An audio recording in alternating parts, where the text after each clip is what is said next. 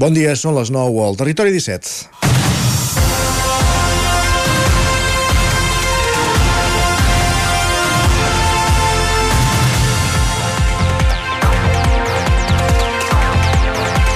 Viure en entorns urbans té unes regles que s'han anat sumant i consensuant a partir de segles de progrés i civilització.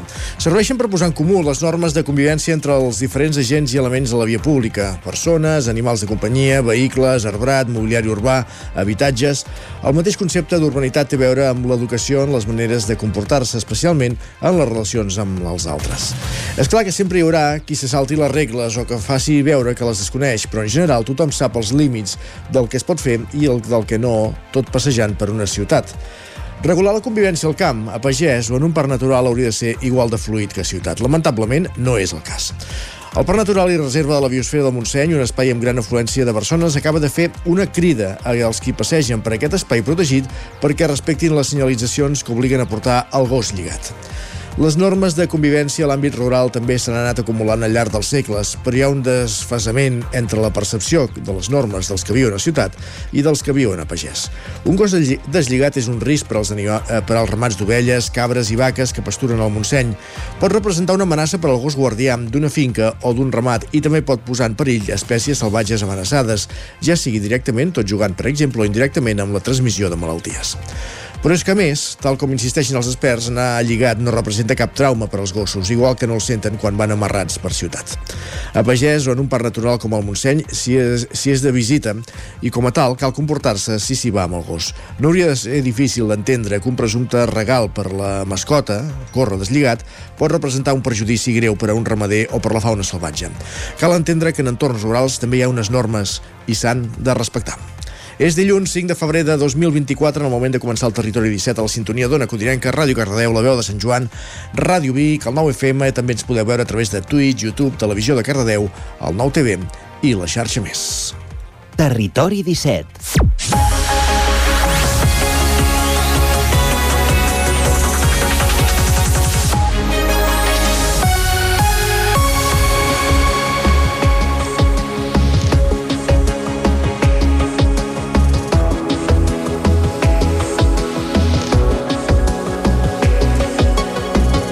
Dos minuts i mig que passen de les 9 del matí d'aquest dilluns 5 de febrer de 2024, en el moment de començar el Territori 17, el magazín de les comarques del Vallès Oriental, l'Osona, el Ripollès, el Moianès i el Lluçanès, que us acompanya cada matí durant dues hores, entre les 9 i les 11. De quina manera? Doncs mira, ràpidament repassem el sumari d'avui, avancem al menú del dia.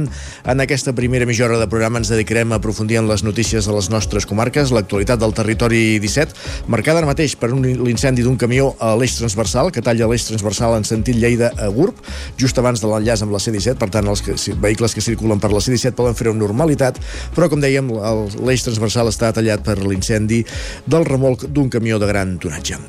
Uh, a part de repassar la informació, també farem un cop d'ull al cel amb el nostre home del temps després de dues setmanes d'anticicló, anticicló i anticicló que deia en Pep Acosta, doncs avui veurem com evoluciona meteorològicament aquesta setmana que avui comença i acte seguit anirem fins al quiosc amb la Clàudia Dinarès per repassar quines són les portades dels diaris del matí.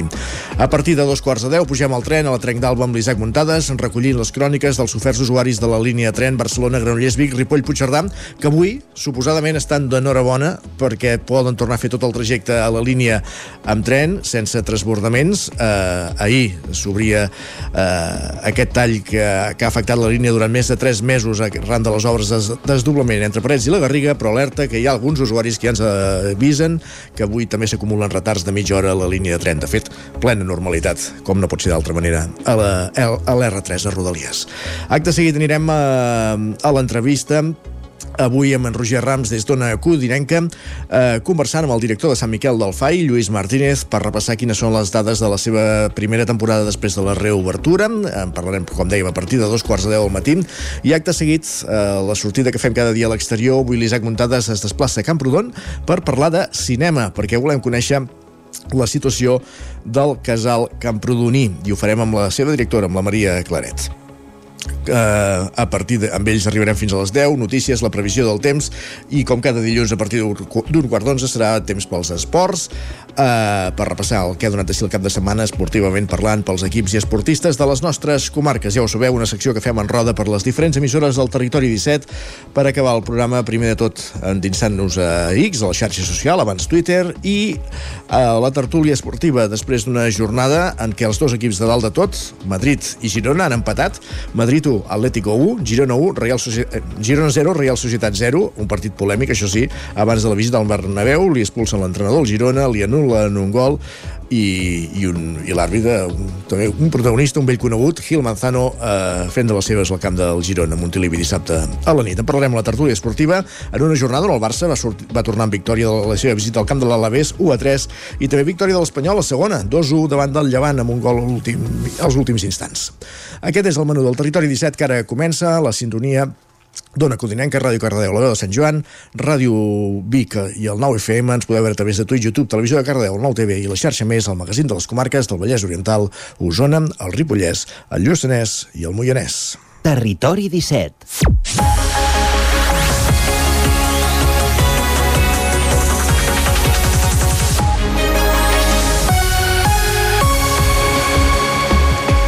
L'incendi d'un camió obliga a tallar l'eix transversal en sentit Lleida a Gurb, Clàudia Dinerès, al 9FM. El remolc d'un camió de gran tonatge s'ha encès aquest matí a l'eix transversal, la C25 a Gurb, just abans d'enllaçar amb la C17. Els bombers treballen en l'extinció de les flames. D'hores d'ara, segons el Servei Català de Trànsit, la via continua tallada en sentit Lleida al punt quilomètric 180.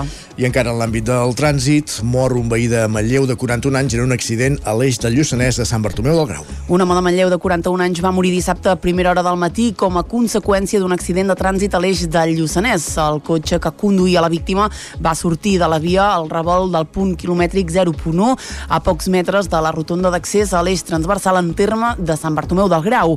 Això va fer que en un primer moment el Servei Català de Trànsit situés el sinistre al quilòmetre 170 de l'eix transversal just a la intersecció de les dues vies. De totes maneres, el trànsit no es va donar per definitiu al punt de l'accident fins que eh, no estigui tancat l'atestat dels Mossos d'Esquadra. L'accident va passar poc abans de dos quarts de set del matí de dissabte. El cotxe que conduïa la víctima, que baixava de Lluçanès cap a la C25, va sortir de la via per causes que encara s'estan investigant. Al vehicle hi havia un segon ocupant que va ser traslladat ferit a l'Hospital Universitari de Vic. A més de Mossos, es van mobilitzar també bombers i serveis d'emergències mèdiques. Aquest és el primer accident del 2024 a les carreteres d'Osona i el Lluçanès. Més qüestions, la línia R3 ha recuperat aquest diumenge la circulació contínua de trens després de gairebé 4 mesos de tall per les obres de desdoblament de la via. El tall primer va ser entre Figaró i Mollet i després entre Figaró i Parets. Des del 12 d'octubre ha funcionat el servei substitutori habilitat per Renfe que tenia centelles de punt d'enllaç. Des de la població usonenca hi havia busos directes a Barcelona d'anada al matí i de tornada a la tarda vespre i també s'hi podia agafar l'autobús que cobria el tram del tall de manera directa o bé parant a cada municipi. El col·lectiu d'usuaris perquè no ens fotin el tren considera que Renfe i Adif han dotat de recursos suficients al transport alternatiu, però es queixen de manca de coordinació que ha allargat substancialment els trajectes, sobretot per qui havia de fer el doble canvi entre tren i bus. Marc Generes és membre del col·lectiu. No hi ha hagut horaris de l'autobús. La gent que agafava el, el tram de tall que havia de dirigir-se a l'autobús no sabia a quina hora, havia de fer les seves deduccions. Eh, el decalatge que hi ha entre els trens circulant al tram sud i el tram nord, separats pel tall, no és suficient perquè el bus ho cobreixi amb, amb confiança i just arribis i al cap de poc hi hagi el tren. Just a l'arribar acabava de marxar el tren. Coses d'aquestes de simplement d'organització, de planificació, de cuidar els detalls. Les obres de desdoblament del tram del Vallès implicaran un altre tall de circulació que podria ser de 5 mesos, tot i que de moment no se n'ha oficialitzat ni la data ni l'extensió. Perquè no ens fotin el tren demana que pel nou tall se solucionin les eficiències que els usuaris han documentat aquests darrers mesos i que han traslladat a la Generalitat i a Renfe i també que redueixi al màxim la seva durada. Aquest tall tan radical de 3 mesos i mig ha estat etern. El proper tall mm, hauria de ser no més llarg que això i sabem que això és possible tècnicament, és qüestió de concentrar les obres, de fer-les treballar en paral·lel al màxim, per tant demanem un esforç en planificar aquestes obres d'una forma al màxim de ràpides. Tot i que, sense poder-ho refermar amb les dades que han demanat a la Generalitat i que el govern català no els ha lliurat des de perquè no ens fotin el tren, tenen clar que molts usuaris del ferrocarril l'han canviat per altres formes de transport públic o privat aquests mesos. Des d'Osona, una de les principals alternatives ha estat l'E12, la línia de bus directe entre Vic i Barcelona. Segons el govern català, en el tercer trimestre del 2023, el servei operat per Segalés va registrar més de 241.000 viatgers, doblant els 122.000 del mateix període de l'any anterior. I com apuntàvem, aquest primer dia laborable del servei de Rodalies recuperat no comença de la millor manera. Hi ha talls, eh, hi ha aturades en el trajecte Vic-Barcelona i, i, els, i, i retards, evidentment. Alguns usuaris ens parlen de retards de, de mitja hora. Encara en l'àmbit de la mobilitat, un últim punt, perquè el, el tall al viaducte de l'eix transversal a Sant Sadurní d'Usormort encara s'allargarà 10 mesos. És el termini de les obres que s'hi faran, segons ha anunciat el Departament de Territori. El problema estructural que va motivar que el passat mes de desembre es tanqués la circulació a un dels dos ponts, el més antic, és la corrosió que afecta els tirants exteriors que subjecten el viaducte des de sota. Territori invertirà 5,6 milions d'euros per substituir els 26 tirants per uns de més moderns i amb més elements de protecció. Amb la reforma també es faran altres millores, com la reparació de l'armadura superior del tauler o la millora dels embornals. Durant el temps que durin les obres, tot el trànsit es continuarà vehiculant, com passa des de finals de desembre, per l'altre pont, pel que passava la circulació en sentit Girona i que és més nou, ja que es va construir durant el desdoblament de l'eix. El viaducte en el que s'han de canviar els tirants de 504 metres de longitud és el més llarg de tota la C25. Gràcies, Clàudia. Anem ara cap al Ripollès perquè l'oposició en bloc de Ripoll tomba el pressupost de l'equip de govern de l'ultradretana Sílvia Oriols, que s'ha de prorrogar per primer cop a la història. Isaac Muntades, la veu de Sant Joan. Per primera vegada a la història, els pressupostos de l'Ajuntament de Ripoll s'hauran de prorrogar. L'oposició en bloc, formada per 11 dels 17 regidors del consistori, va tombar els comptes previstos pel 2024 presentats per l'equip d'Aliança Catalana, encapçalat per l'alcaldessa Sílvia Oriols, en un ple maratonià que es va allargar fins a la mitjanit. Un pressupost de 14,6 milions d'euros que va presentar el regidor d'Hisenda Guillem Barranqueres, que va recordar que s'havia començat a treballar a l'octubre amb els diferents grups municipals de l'oposició i que només tres van assistir a les reunions per participar en la seva confecció. Al pressupost hi havia 850.000 euros destinats a inversions reals en què destacaven 300.000 euros per posar al dia els equipaments, 125.000 pels pressupostos participatius i 100.000 per la nau de la devesa del Pla. L'alcaldessa Sílvia Oriols va dir que l'oposició no hi havia volgut col·laborar i que era un pressupost auster, perquè no havien pujat impostos i no tenien romanent, i valent. Així explicava les línies mestres dels comptes. Perquè apostem clarament per millorar la qualitat de vida i els serveis dels nostres avis. Perquè desfem els convenis més que generosos que duren anys. S'havien signat amb mitjans de comunicació locals privats a canvi d'entrevistes amables amb els equips de govern. Perquè incorporem noves propostes de cultura com els Jocs Florals o el projecte d'arxius mil·lenaris. Perquè apostem clarament per la seguretat, amb partides explícites que permetin reforços policials. També va destacar el manteniment dels equipaments o la priorització de la neteja viària. Com era d'esperar, els seus arguments no van convèncer l'oposició. Junts per Ripoll va apuntar que el pressupost era continuista, però com la majoria de grups va assenyalar que no tenia ni ambició de futur ni de creixement. També van expressar que reduïen moltes partides en polítiques de joventut, de medi ambient o pel comerç i només milloraven les condicions de vida de la gent gran. La seva portaveu, Manoli Vega, va recriminar l'actitud d'Oriols, que segons ella no havia buscat complicitats i va anomenar-li tot el que havia perdut Ripoll aquest temps que ell ha governat. Però què ha passat amb els pisos de la FES? Avui ho hem vist. I amb el corral? I amb la sala del Graells? Què passa amb els vestidors? I l'escriptòrium? Què passarà amb les subvencions? Tantes i tantes coses que en tan poc temps o hem perdut o han quedat aturades. La porteu d'Esquerra, Chantal Pérez, i el porteu del PSC, Enric Pérez, van coincidir en que l'equip de govern tampoc complia la seva paraula en allò que s'aprovava al ple. Els és igual el que s'aprovi aquí, amb la majoria de la resta, perquè vostès només executaran allò que els hi convingui. Aquella moció que vam aprovar del Pla Local de Joventut, del Pla Educatiu d'Entorn, és igual,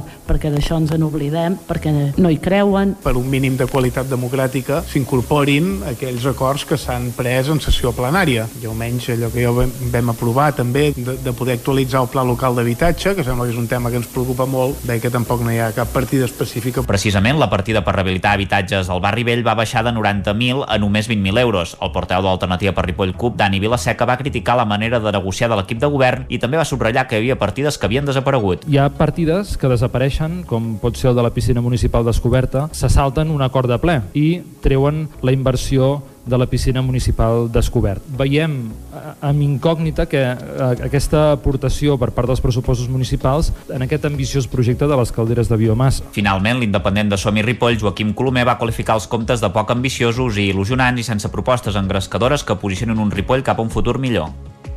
Gràcies, Isaac. Sant Feliu de Codines, al Vallès Oriental, ha aquest mes de febrer un cicle de tallers de benestar emocional enfocats a les persones de més de 60 anys. Roger Rams, zona codinenca.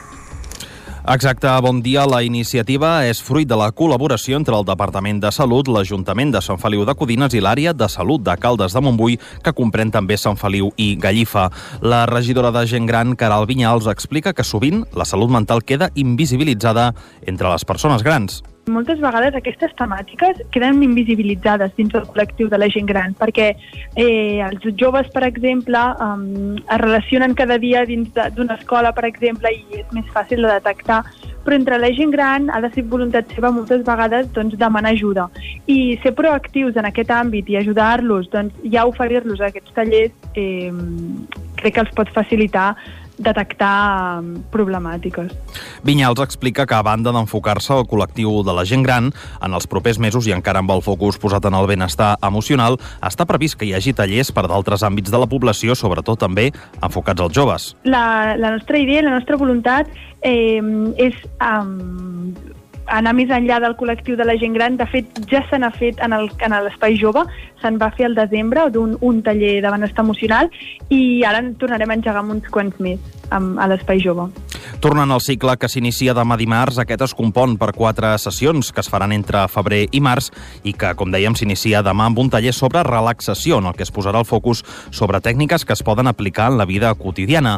Altres aspectes que s'abordaran en els propers tallers són com millorar el son, com regular els pensaments intrusius i repetitius i el punt i final el posarà un taller sobre l'autoestima que tindrà lloc el dia 4 de març. Les persones que hi estiguin interessades no cal que facin cap inscripció prèvia, ja que es permetrà l'accés fins a completar l'aforament. L'espai escollit per dur a terme aquest cicle és el Casal de la Gent Gran i les sessions duraran una hora de de 5 a 6 i les durà a terme l'expert en benestar emocional de l'àrea de salut bàsica de Caldes, Santiago Palomo, que serà l'encarregat, com dèiem, d'encapçalar els diferents tallers. I a Cardedeu eh, tanca la vintena edició del cicle de cantautors i, un, i ho ha fet de la millor manera possible, amb la Ludwig Band. Enric Rubio, Ràdio Televisió Cardedeu. Doncs així és, la banda d'Espolla va passar pel podcast Tinc una cadira de ràdio intermitent, després es va fer un sopar conjunt per celebrar els 20 anys del festival i finalment van interpretar les cançons del nou àlbum en una sala plena d'espectadors. Al llarg d'aquests 20 anys, Tastautors ha anat evolucionant any rere any fins a arribar al dia d'avui. Marta Cordomí, que ens ho va explicar fa dues setmanes, membre de l'organització del Tastautors, ho comenta ha evolucionat amb això, que, que també les nostres vides han evolucionat, però jo crec que s'ha mantingut la idea de fer concerts en petit format, a Cardedeu, en català, eh, aquests concerts com per seure i potser degustar alguna cosa, o, o parar-hi atenció a la lletra, a la música, i no tan pensats només per ballar. I també hem buscat la majoria d'anys una mica de representativitat territorial, que no tot fos de l'àrea de Barcelona, que també hi hagués eh, l'accent de les illes, del País Valencià, de Catalunya Nord. El podcast itinerant Tinc una cadira, de ràdio intermitent i conduït per Joan Gené, ha estat present a totes les jornades de tastautors d'enguany. És un podcast de converses que defuig de les entrevistes promocionals i que busca una xerrada des d'una altra perspectiva. No hi ha guió, és una entrevista, una conversa improvisada i sobretot el que interessa és eh, descobrir els músics o els artistes o la gent amb qui parlem des d'una altra mirada, potser un punt més personal eh, i sobretot jo penso que en el, en el tastautors la gràcia és que la conversa d'alguna manera dongui algunes pistes a la gent que ve a escoltar la conversa perquè després vagin una mica diferent al concert. Després de quatre àlbums en quatre anys, el Ludic Band ha presentat el seu nou treball Gràcies per venir, en el qual es potencia l'esperit coral de la banda mostrant el seu costat més ambiciós, més potent i més representatiu. Eh, el vam gravar fa uns mesos i és l'últim treball. Uh, hem gravat fora per primera vegada, és a dir, no l'hem gravat tot natros i sona molt bé perquè la mescla del Joan Borràs, que és el pianista de Oques Gràcies, que en sap molt. I res, la gira l'acabem de començar tot just, portem dos o tres mesos, però de moment tot està anant molt, molt correcte. Eren Pau Esteve i Quim Caradell, músics de la Ludic Band, qui ens ho explicaven, i per últim dic que els guanyadors dels Premis Rock, precisament la Ludic, eh, que va ser el millor disc 2021, van tancar la darrera nit de tastautors deixant molt bones sensacions a Cardedeu. I també taquen aquest bloc informatiu la Ludwig Band, eh, un bloc informatiu que començava al punt de les 9 en companyia d'Enric Rubio, Clàudia Dinarès, Isaac Muntades i Roger Rams. Moment de saludar en Pep Acosta.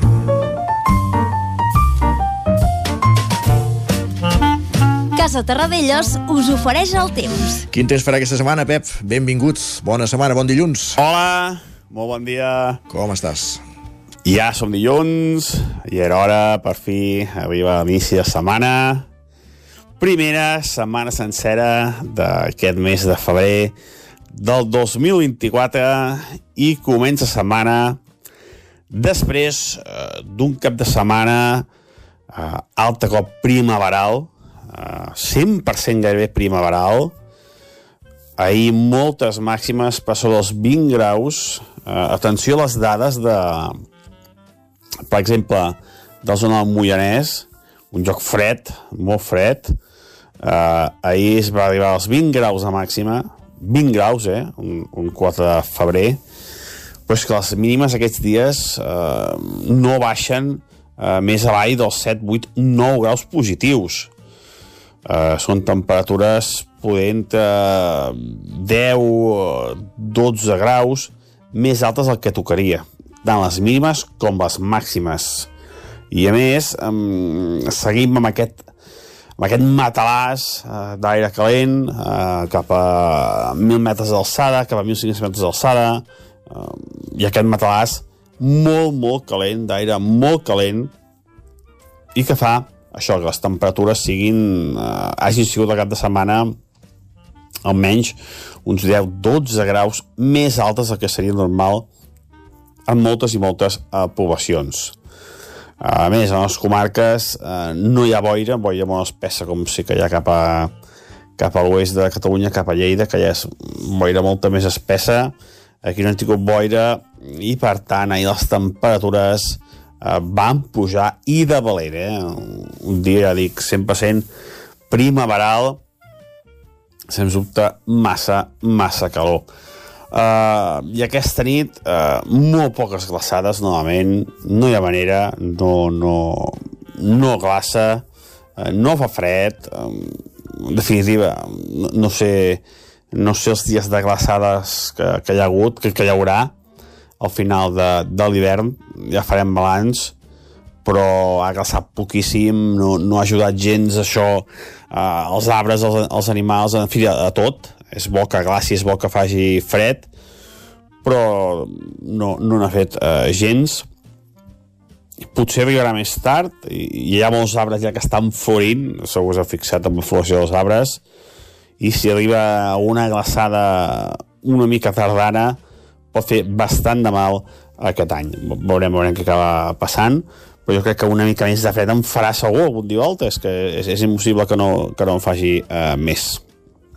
Anem pel dia d'avui, que el dia d'avui eh, he anat explicant tot això, perquè el dia d'avui serà una altra vegada 100% anticiclònic, 100% primaveral. Eh, aquesta nit tampoc hi ha hagut gaires glaçades, només les zones enclotades cap al Ripollès, però més glaçades eh, poc importants, d'un o dos graus sota zero a tot estirar moltes mínimes, novament, dels 5 i els 10 graus, cap a la zona del Moianès, del Vallès, eh, a, totes, a totes les comarques, en definitiva, a Osona, entre 5 i 10 graus de mínima, que és, és, és unes temperatures molt més altes del que tocaria. Això acompanyat d'un dia en què hi haurà molts pocs núvols, un dia molt assolellat i gairebé no tindrem eh, cap núvol, si n'hi ha un, és algun núvol prim passatger, eh, alguna, alguna boirina, però bueno, molt poca cosa, eh, cap novetat, seguim amb aquest anticicló molt i molt ferm a la península ibèrica i a tota Europa occidental que ens aporta això, eh, molt de sol, temperatures molt més altes del normal i cap novetat. Moltes gràcies, adeu. Gràcies, Pep. Parlem d'aquí una estoneta. I ara el que fem és anar cap al quiosc. Casa Tarradellas us ha ofert aquest espai. Ràpidament anem cap al quiosc perquè és moment de saber quines són les portades dels diaris del matí. Avui és dilluns, per tant, Clàudia Dinarès, benvinguda de nou. Bon dia. Comencem per les portades de les dues edicions del 9-9. Exacte, comencem per l'edició d'Osona, el Ripollès i el Lluçanès, que diu Salut reforça l'atenció pediàtrica al cap de Torelló perquè tots els professionals estan de baixa. Els metges i infermeres d'aquesta especialitat i l'ABS de la Vall del Gès pateixen sobrecàrrega laboral. A la imatge Taradell recrea la retirada 85 anys després. També veiem carnavals, trufòrum i aquesta notícia que donàvem en primera hora, mor un veí de Manlleu de 41 anys en un accident a l'eix del Lluçanès. A l'edició del Vallès Oriental, l'elevada rotació en el càrrec de secretari genera problemes als ajuntaments. Alguns consistoris fins i tot han hagut d'ajornar la celebració de plens. A la imatge, Mollet es volca a celebrar els 20 anys del Barralló. A l'Esbar d'Ensaire fa ballar centenars de persones a la plaça Prat de la Riba. Un últim titular, Cardedeu, Vigues, La Roca i Montornès tanquen l'aixeta de les dutxes. Doncs queden recollides les portades de les dues edicions del 9-9. Anem a veure què diuen els diaris editats a Barcelona. Comencem, com sempre, amb el punt avui, que entrevista Pilar Díaz, alcaldessa de Esplugues de Llobregat, que diu som un exemple de les noves centralitats metropolitanes. També veiem Criatura, la gran triomfadora dels Premis Gaudí en una gala que es va celebrar ahir a la nit. A l'ara, la sequera també alarma la indústria catalana i la criatura d'Helena Martín triomfa als Gaudí. La Unió Europea diu vol reduir la seva dependència militar dels Estats Units. Al periòdico, les detencions per delictes en l'àrea de Barcelona creixen un 25%, un 23%, i els Gaudí del Me Too. També diu Alves un judici clau contra la violència sexual, un judici que començarà a partir de les 10 del matí. A l'avantguàrdia, la febre per la intel·ligència artificial dispara, diu, la inversió en centres de dades a Espanya. Anem a Madrid. Som-hi.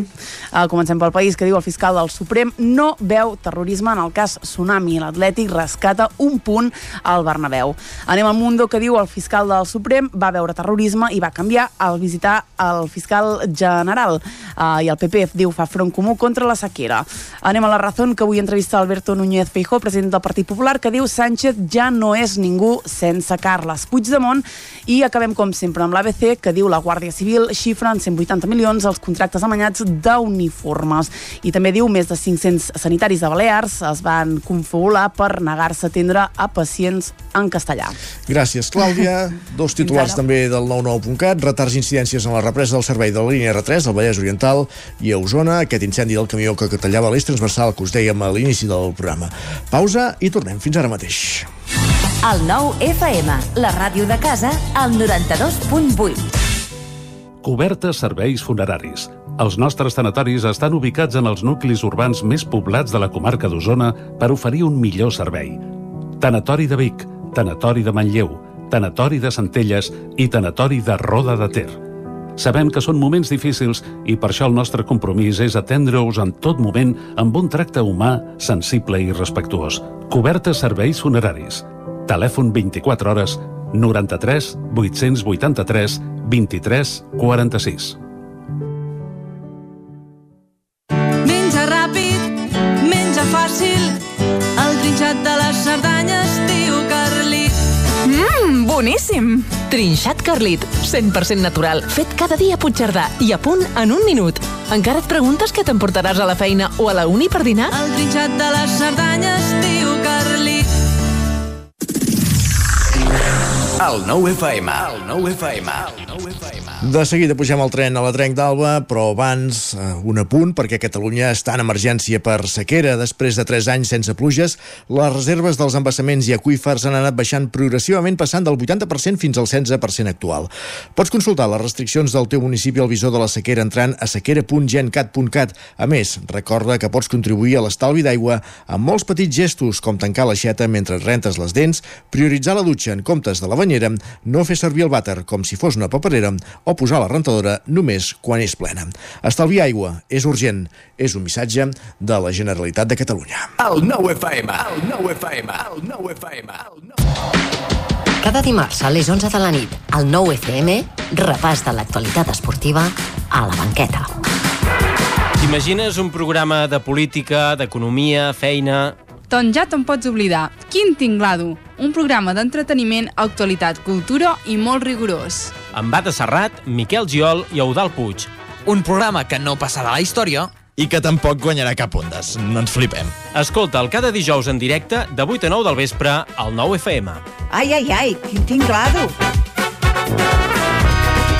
L'infopodcast del 9-9 amb Sílvia Pedret. Cada dia et donem les claus de les notícies més rellevants de casa nostra. Vivim en una comarca que s'està demostrant pionera en transició. Desperta't cada dia amb l'infopodcast del 9-9. Aquesta setmana tornen a ser notícia els pantans perquè han baixat... El trobaràs a dos quarts de vuit del matí al 99.cat, Spotify, iVox i, si ho vols, te l'enviem directament al mòbil. Subscriu-te als canals de WhatsApp i Telegram del 99. Soc Sílvia Pedret. Comencem.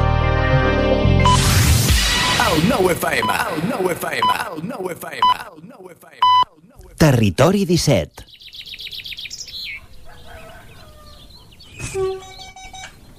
A Tren d'Alba. Cada dia els usuaris i usuàries de la línia R3 de Rodalies que veuen sortir el sol des d'un vagó ens expliquen les gràcies i les penes del primer comboi que uneix Ripoll i Barcelona o les feixugues jornades amb el tren després de treballar. Benvinguts a Tren d'Alba. Ahir es va reprendre la circulació de trens a la línia R3 entre Parets del Vallès i el Figaró amb la mateixa oferta prèvia a les obres iniciades el 12 d'octubre de l'any passat. Doncs avui els passatgers de primera hora del matí a Centelles, com el nostre estimat cronista Jordi Valls, ja s'han trobat amb la primera sorpresa. Bon dia, sóc en Jordi de Centelles. No, no, no he arribat, no he arribat. No puc arribar perquè Renfe ha decidit, bueno, un maquinista ha decidit que no es presentava al seu lloc de treball, per tant no tenim tren. Eh, el tren de dos quarts de sis del matí, que no estem parlant del tren de mig matí. Si el servei comença així, com pot acabar? Després parlaran de que si, claro, es que queréis que nos vayamos, collons, és que no us volem ni veure. Vist que ahir els trens arribaven una hora tard, per exemple, el de la 707 va arribar a les 9.13 a Centelles, una hora més tard, però es podia entendre perquè era el primer dia de circulació. Però que ara sigui per falta de maquinista, ostres, de veritat, és molt desesperant, eh? Volem que tornin els autobusos, volem contaminar. No, el que volem és arribar a la feina, volem arribar tranquils, volem pagar. A més, fa com 10 dies vaig avisar que a l'estació de Centelles cap de les tres validadores agafava la T-mobilitat. Continua igual, vaig avisar-ho per escrit. No hi ha manera, no s'ho prenen en sèrio, no els hi agraden els trens, no els hi agradem, els molestem. Doncs apa, conseller o consellera, ja no sé què ets. No, ja no m'interessen els consellers. Ministro, por favor, ara haga algo, perquè, perdoneu, la Generalitat aquí no pinta res. Vinga, adeu-siau, ja us explicaré com acaba el tema. A veure, poca broma, els autobusos poden contaminar més, però és que al final donen millor servei que el tren. És una cosa incomprensible que Renfe no pugui substituir amb certa diligència un maquinista que no es presenta al seu lloc de treball, encara que hagi estat per un tema mèdic. Normal que la gent no vulgui agafar el tren i perd el temps i la salut. Va, ens retrobem demà amb més històries del tren i de l'R3. Territori 17. Dos minuts que passen de dos quarts de 10 del matí.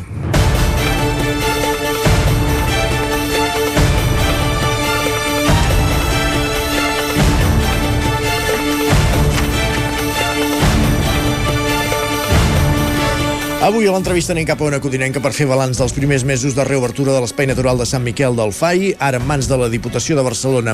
Segons les xifres que ha fet públiques aquests dies la Diputació, per l'espai han passat 30.000 persones en els 49 dies que ha estat obert. De tot això i de per on passa el futur del parc en conversem amb el seu director Lluís Martínez. De fet, qui conversa amb ell és en Roger Rams, des d'Ona Codinenca. Aquí ja saludem. Roger, benvingut de nou, bon dia. Avui als micròfons d'Ona Codinenca ens acompanya Lluís Martínez, director de l'Espai Natural de Sant Miquel del Fai, per fer balanç del primer any de la reobertura d'aquest espai, el 2023, en què va rebre prop de 30.000 visitants. Amb ell volem conversar sobre aquesta xifra i també com encara el parc al futur. Primer de tot això, com ens valores el, el fet d'haver fregat o haver assolit aquests 30.000 visitants durant el 2023, tenint en compte doncs, que el parc es va obrir a l'abril, va patir tancaments, com, com valores en general aquests eh, prop de 30.000 visitants? Bé, en principi ha estat, eh, jo valoraria de normalitat, no? una normalitat eh, eh, esperada i, i grata. No? Eh, el que s'ha fet és s'han cobert les expectatives. Eh, durant el 2023 va obrir eh, els Amigues del FAI 49 dies eh, en total, festius, caps de setmana, en els quals es va, eh, es va fer ple, totalment ple, es va cobrir totes les places disponibles, tot l'aforament, i, i, i bueno, tampoc va haver-hi, a part, part d'això, cap mena d'incident. Els sistemes de reserva prèvia, eh, de regulació doncs, ha funcionat. I el, el, la reserva de places que, que no havíem disposat a la pàgina web per possibles doncs, incidències, persones que no tinguessin la, la capacitat de fer la reserva online, doncs poguessin també venir i fer la reserva presencial. Això també es va donar eh, en un percentatge bastant elevat.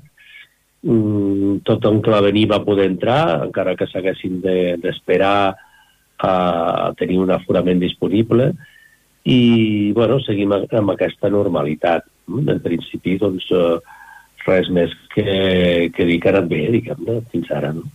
De cara a aquest 2024 que hem començat fa tot just un mes, no sé quines són una mica les, les expectatives que té el parc ara a principis d'any. Bueno, uh, hi, ha un, hi haurà un canvi ja, diguem-ne, clar, que és que no haurem de tancar a l'estiu, a l'època de, de risc d'incendis, s'han fet els ajustos i les, totes les previsions possibles perquè això no hagi de tornar a passar. Per tant, obrirem tots els eh, caps de setmana i festius de l'any. Um, sí que haurem de tancar quan no hi hagi més remei per, per riscos per riscos per la població eh, el visitant principalment que, que tenen que veure amb, amb amb un risc elevat, molt elevat d'incendi forestal, és a dir, quan el nivell de, del pla festiu, eh, el pla festiu nivell 3, o quan hi hagi un aiguat molt fort que pugui causar despreniment de les parets de, de, de la cinglera. No? Això es manté, evidentment, això serà, no pot ser alterable de cap manera, però, però no per temporades eh, de calendari. No? Per tant, a l'estiu aquest proper doncs, eh, s'obrirà en normalitat. Això suposo que farà o fa preveure no, que, que a final doncs, d'aquest doncs, 2024 el balanç encara, encara s'enfili més eh, perquè s'obriran més dies. Segurament, jo crec que la, la capacitat s'anirà cobrint sempre, com, com està passant fins ara, fins a aquest cap de setmana, doncs hem, fet ple, no? totes les places que posem a disposició doncs es cobreixen, i hem de veure quina és la tendència, si, si la, la gent, diguem-ne, que estava esperant eh, amb moltes expectatives, doncs ja ha fet l'exita i ja no la torna a fer, i es normalitza doncs, eh, les visites amb un altre nivell, potser no tant de, de plenari com fins ara, hem de veure, no?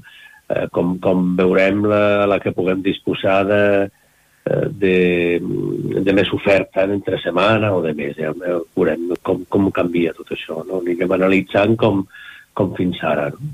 Clar, ens parlava d'aquesta ampliació pel que fa als dies, gràcies a les modificacions que s'han fet pel tema del risc d'incendis, però també ara eh, apuntaves una mica el fet de, de poder ampliar els aforaments, si més no eh, els aforaments com a tal, eh, és a dir, que no vol dir que entrin més persones alhora, sinó que es pugui obrir doncs, definitivament Sant Miquel del Fai amb una també del que és les reclamacions eh, més persistents mm. diguem, del, del territori, que és que les escoles doncs, hi puguin tornar entre Exacte. setmanes, hi puguin fer activitats. Mhm. -huh. tenim, tenim moltes ganes eh, de, de poder tenir aquesta oferta eh, entre, entre setmanes, sobretot en, en, el, en l'activitat educativa, no? que era una tradició de, de sempre de venir amb les escoles a fer activitats eh, pedagògiques a Sant Miquel del Fai. I, i estem, estem treballant, tenim ganes de que, de que això pugui ser, però bueno, hem d'esperar de, eh, a tenir un, un grup de treball que, que, que hem de constituir conjuntament amb els municipis, eh, de, amb els tres municipis propers a Sant Miquel del Fai, per conjuntament, entre tots, doncs, acabar-lo d'acordar i, i posar-ho en marxa. El que és la, les visites de les escoles d'aquests municipis i més endavant doncs, ja a poder tenir un sistema de gestió que ens permeti eh, obrir ja tots els dies de, de l'any, diguem-ne. No? Mm. Segurament hi haurà un dia de descans setmanal, però, però caps de setmana i de setmana doncs, segurament eh, en, en, no sé, mig any eh, o espero que no sigui molt més, doncs puguem tenir ja aquesta oferta que, que tots tenim molta, moltes ganes de, que, de disposar-nos. Per tant, quin, quin ha de ser el següent eh, pas perquè puguin venir les escoles? Bueno, és, és un tema organitzatiu, eh? és un tema de, de, de, de que la, el grup de treball de seguiment de Sant Miquel del Fai es pugui constituir i es pugui posar a treballar. Eh, bàsicament és això. Eh? Eh, i això doncs ara ja estem treballant perquè pugui ser el, el més aviat possible. Jo tinc l'esperança de que eh, les escoles mm, dels, dels, aquests tres municipis puguin venir ja en aquest, eh, en aquest, eh, el que queda d'aquest curs escolar, espero. Mm? Uh, ja per, per acabar, Lluís, eh, volia fer una, un, altre, un altre punt perquè el, l'informe aquest de la Diputació doncs, apuntava també que majoritàriament el públic que us ha visitat aquest any ho ha fet amb, amb vehicle privat i, de fet, només un 2,3% dels visitants han vingut amb, amb autocars o amb transport col·lectiu. No sé si uh -huh. aquestes dades us donen una mica de, de marge, diguem, de fomentar l'arribada amb, transport públic, l'arribada de grups o, o de fomentar algun tipus de transport que, uh -huh. que pugi fins al parc. Bueno, de grups estan venint, per ser el primer any, el primer any doncs ja ens han, han vingut a la, a la vora de 60 autocars, no? De persones han vingut en, en vehicle col·lectiu de, de, de grans dimensions, unes de 50, 50 uns 60 autocars. No? Això, bueno, no està malament, per, però, bueno, més de moment amb la situació que tenim és, és molt complicat, molt difícil, perquè no tenim una línia, una línia regular de bus eh, en actiu que, que enllaci doncs, el que seria ara Sant Feliu de Codines, no? que és el, més, eh, el que té eh, l'operativitat possible, amb Sant Miquel del Fai. Um, tal com tenim, el, el, on tenim el, el, ubicat Sant Miquel del Fai, no hi ha un altre que venien en, en vehicle particular, sinó és un vehicle col·lectiu com un autocar. L'altre és venir a peu des d'un un lloc on arribi eh, el, el transport públic. En aquest cas, home, a mi em sembla bastant significatiu que un nou i alguna a vegades uns 15 mesos ha estat un 10%, de la gent que ens ha visitat doncs, hagi, eh, ha, ha vingut a peu des de l'itinerari de Riells. Eh? A Riells arriba un, també arriba el transport públic. Això és bastant una mica esperançador. De fet, és el que ara per ara podem, podem promoure més, no? Venir el transport públic i, i, una, i una caminada, no? un, un tram de, eh, de a peu. El més curt i el més adequat és el de Riells, però també es pot venir des de Sant Feliu de Codines o des de, des de la, la línia del bus que va a Sant Quirze. O... Bé, l'altre és que puguem establir un, un acord amb, amb la línia, amb l'empresa que té que, que, aquesta línia aquesta línia de transport per poder tenir un, alguns unes llançadores no? entre els caps de setmana entre Sant Feliu de Codines i Sant Miguel del Fai. És un tema que s'ha encetat, però no sé si arribarà doncs, a un acord, perquè no és fàcil, no és fàcil perquè la, la gent que ve fins a... que pot venir fins a Sant Feliu de Codines amb el vehicle, mm, ja, ja, ja que estan aquí arribarien amb el seu vehicle fins a Sant Miguel del Fai, a no ser que puguin venir en transport públic des de Barcelona o des d'algun altre lloc. Això és el que s'ha d'estudiar i s'hauria de, de veure la possibilitat de que sigui viable. No? Clar, perquè en, en altres parcs de, de la Diputació, ara penso, per exemple, en, en Sant Llorenç del Munt o fins i tot amb el Montseny, eh, uh -huh. hi ha el servei de, de, de Busparc, no?, que fa una mica uh -huh. aquesta funció d'apropar no?, des de ciutats com Terrassa doncs, fins al parc, o des de ciutats com Sant Celoni fins al Parc del Montseny. No sé si, si es, es vol tirar per aquí, diguéssim. Bueno, seria una mica la, la mateixa idea, no? de, és a dir, trobar, eh, arribar a alguna, a algun acord viable de, de, de línia, de línia regular, un, uns horaris acordats, que, que fes enllacés una parada, la parada de, de, del bus de, de Sant Feliu de Codines fins a Sant Miquel del Fai. No? Una parada o un lloc on també eh, pugui ser objecte fins i tot de deixar el vehicle particular i agafar el bus, no només el que vingui el que vingui en, en vehicle, en transport públic que faci un, un transbordament, sinó que puguin deixar el vehicle particular. És un tema que hem, que hem iniciat, eh, hem tingut ja alguna conversa i veurem a veure si, si pot prosperar. No? Evidentment s'ha de veure la viabilitat també eh, eh, pràctica i econòmica d'això. No? Eh, en aquest cas tenim un aforament limitat, no és com a, en, el, en el Montseny o Sant Llorenç del Munt, que, arri que arribes a les 10 del matí d'alguns caps de setmana de l'any i ja estan tots els aparcaments eh, de Santa Fe ja estan plens, eh? sinó que aquí no tenim mai aquest col·lapse. Tenim un, un aforament controlat de l'aparcament i dels visitants. No és un problema d'ocupació de, de, de l'aparcament, que ja es va construir i està i existeix, sinó eh, seria eh, per disminuir aquest, aquest flux viari entre Sant Feliu de Codines i, i Sant Miquel del Fai amb les afectacions que, que representa pel medi natural, etc. Però no és perquè hi hagi una situació de col·lapse o de sobredimensionament, com serien els altres parts, perquè al tenir eh, l'aforament eh, controlat, la gent ve amb reserva prèvia, sigui, no tenim, eh, no es fan cues, no es fan eh, col·lapses de gent que vingui a veure si poden entrar, o sigui, no tenim aquest, aquests problemes d'impacte desmesurat. No? no és el mateix cas, però tot i així, una opció de transport públic doncs, eh, sembla també raonable. Uh -huh. Ja la, la darrera pregunta per acabar l'entrevista, Lluís, eh, és en relació als espais de, de Sant Miquel del Fai que encara estan tancats. Recordem que es pot entrar a fer la visita, però hi ha alguns espais que, que encara no, no, no hi ha accés, diguéssim. Eh, una mica quina és la previsió? Mm -hmm. bueno, bàsicament, l'ermita, per mi, el que, el que crec que és, és una llàstima que no es pugui veure com, a, com un element de valor patrimonial històric molt, molt important és l'ermita de Sant Martí. No?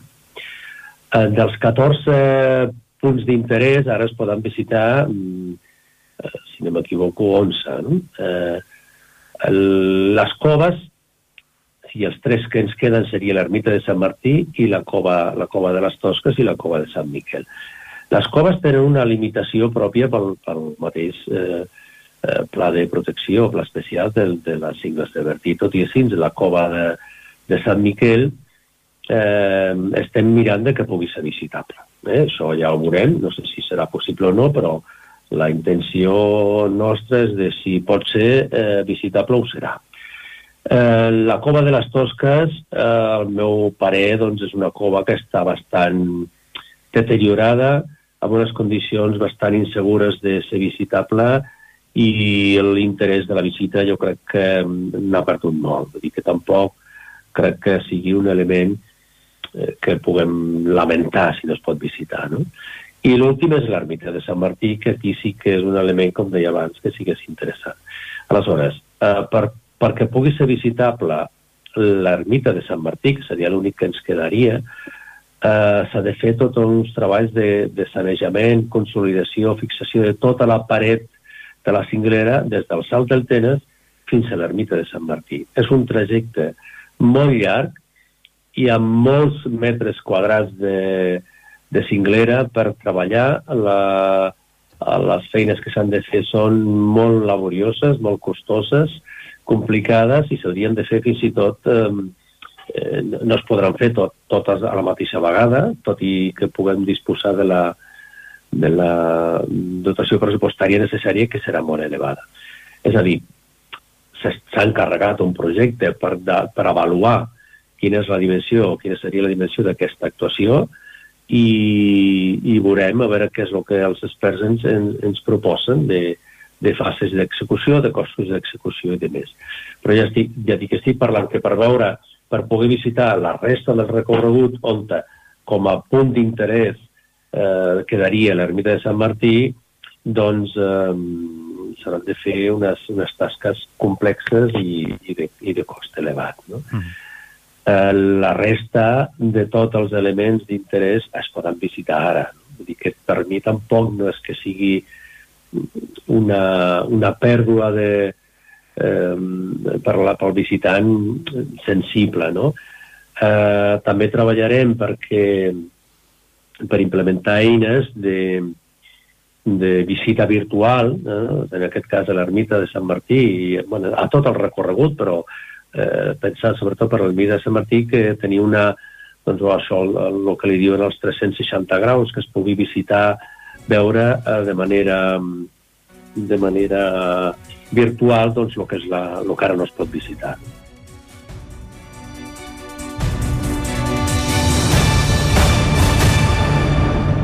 Doncs hem conegut el detall la situació de Sant Miquel del Fai, temps per sortir al carrer aquí al Territori 17.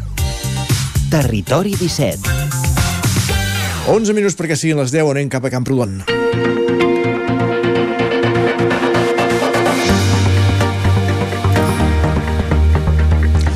perquè amb la ressaca dels Premis Gaudí, de la gala dels Gaudí, que s'ha fet aquesta nit, avui també volem parlar de cinema aquí al Territori 17. Isaac Montades, benvingut, bon dia.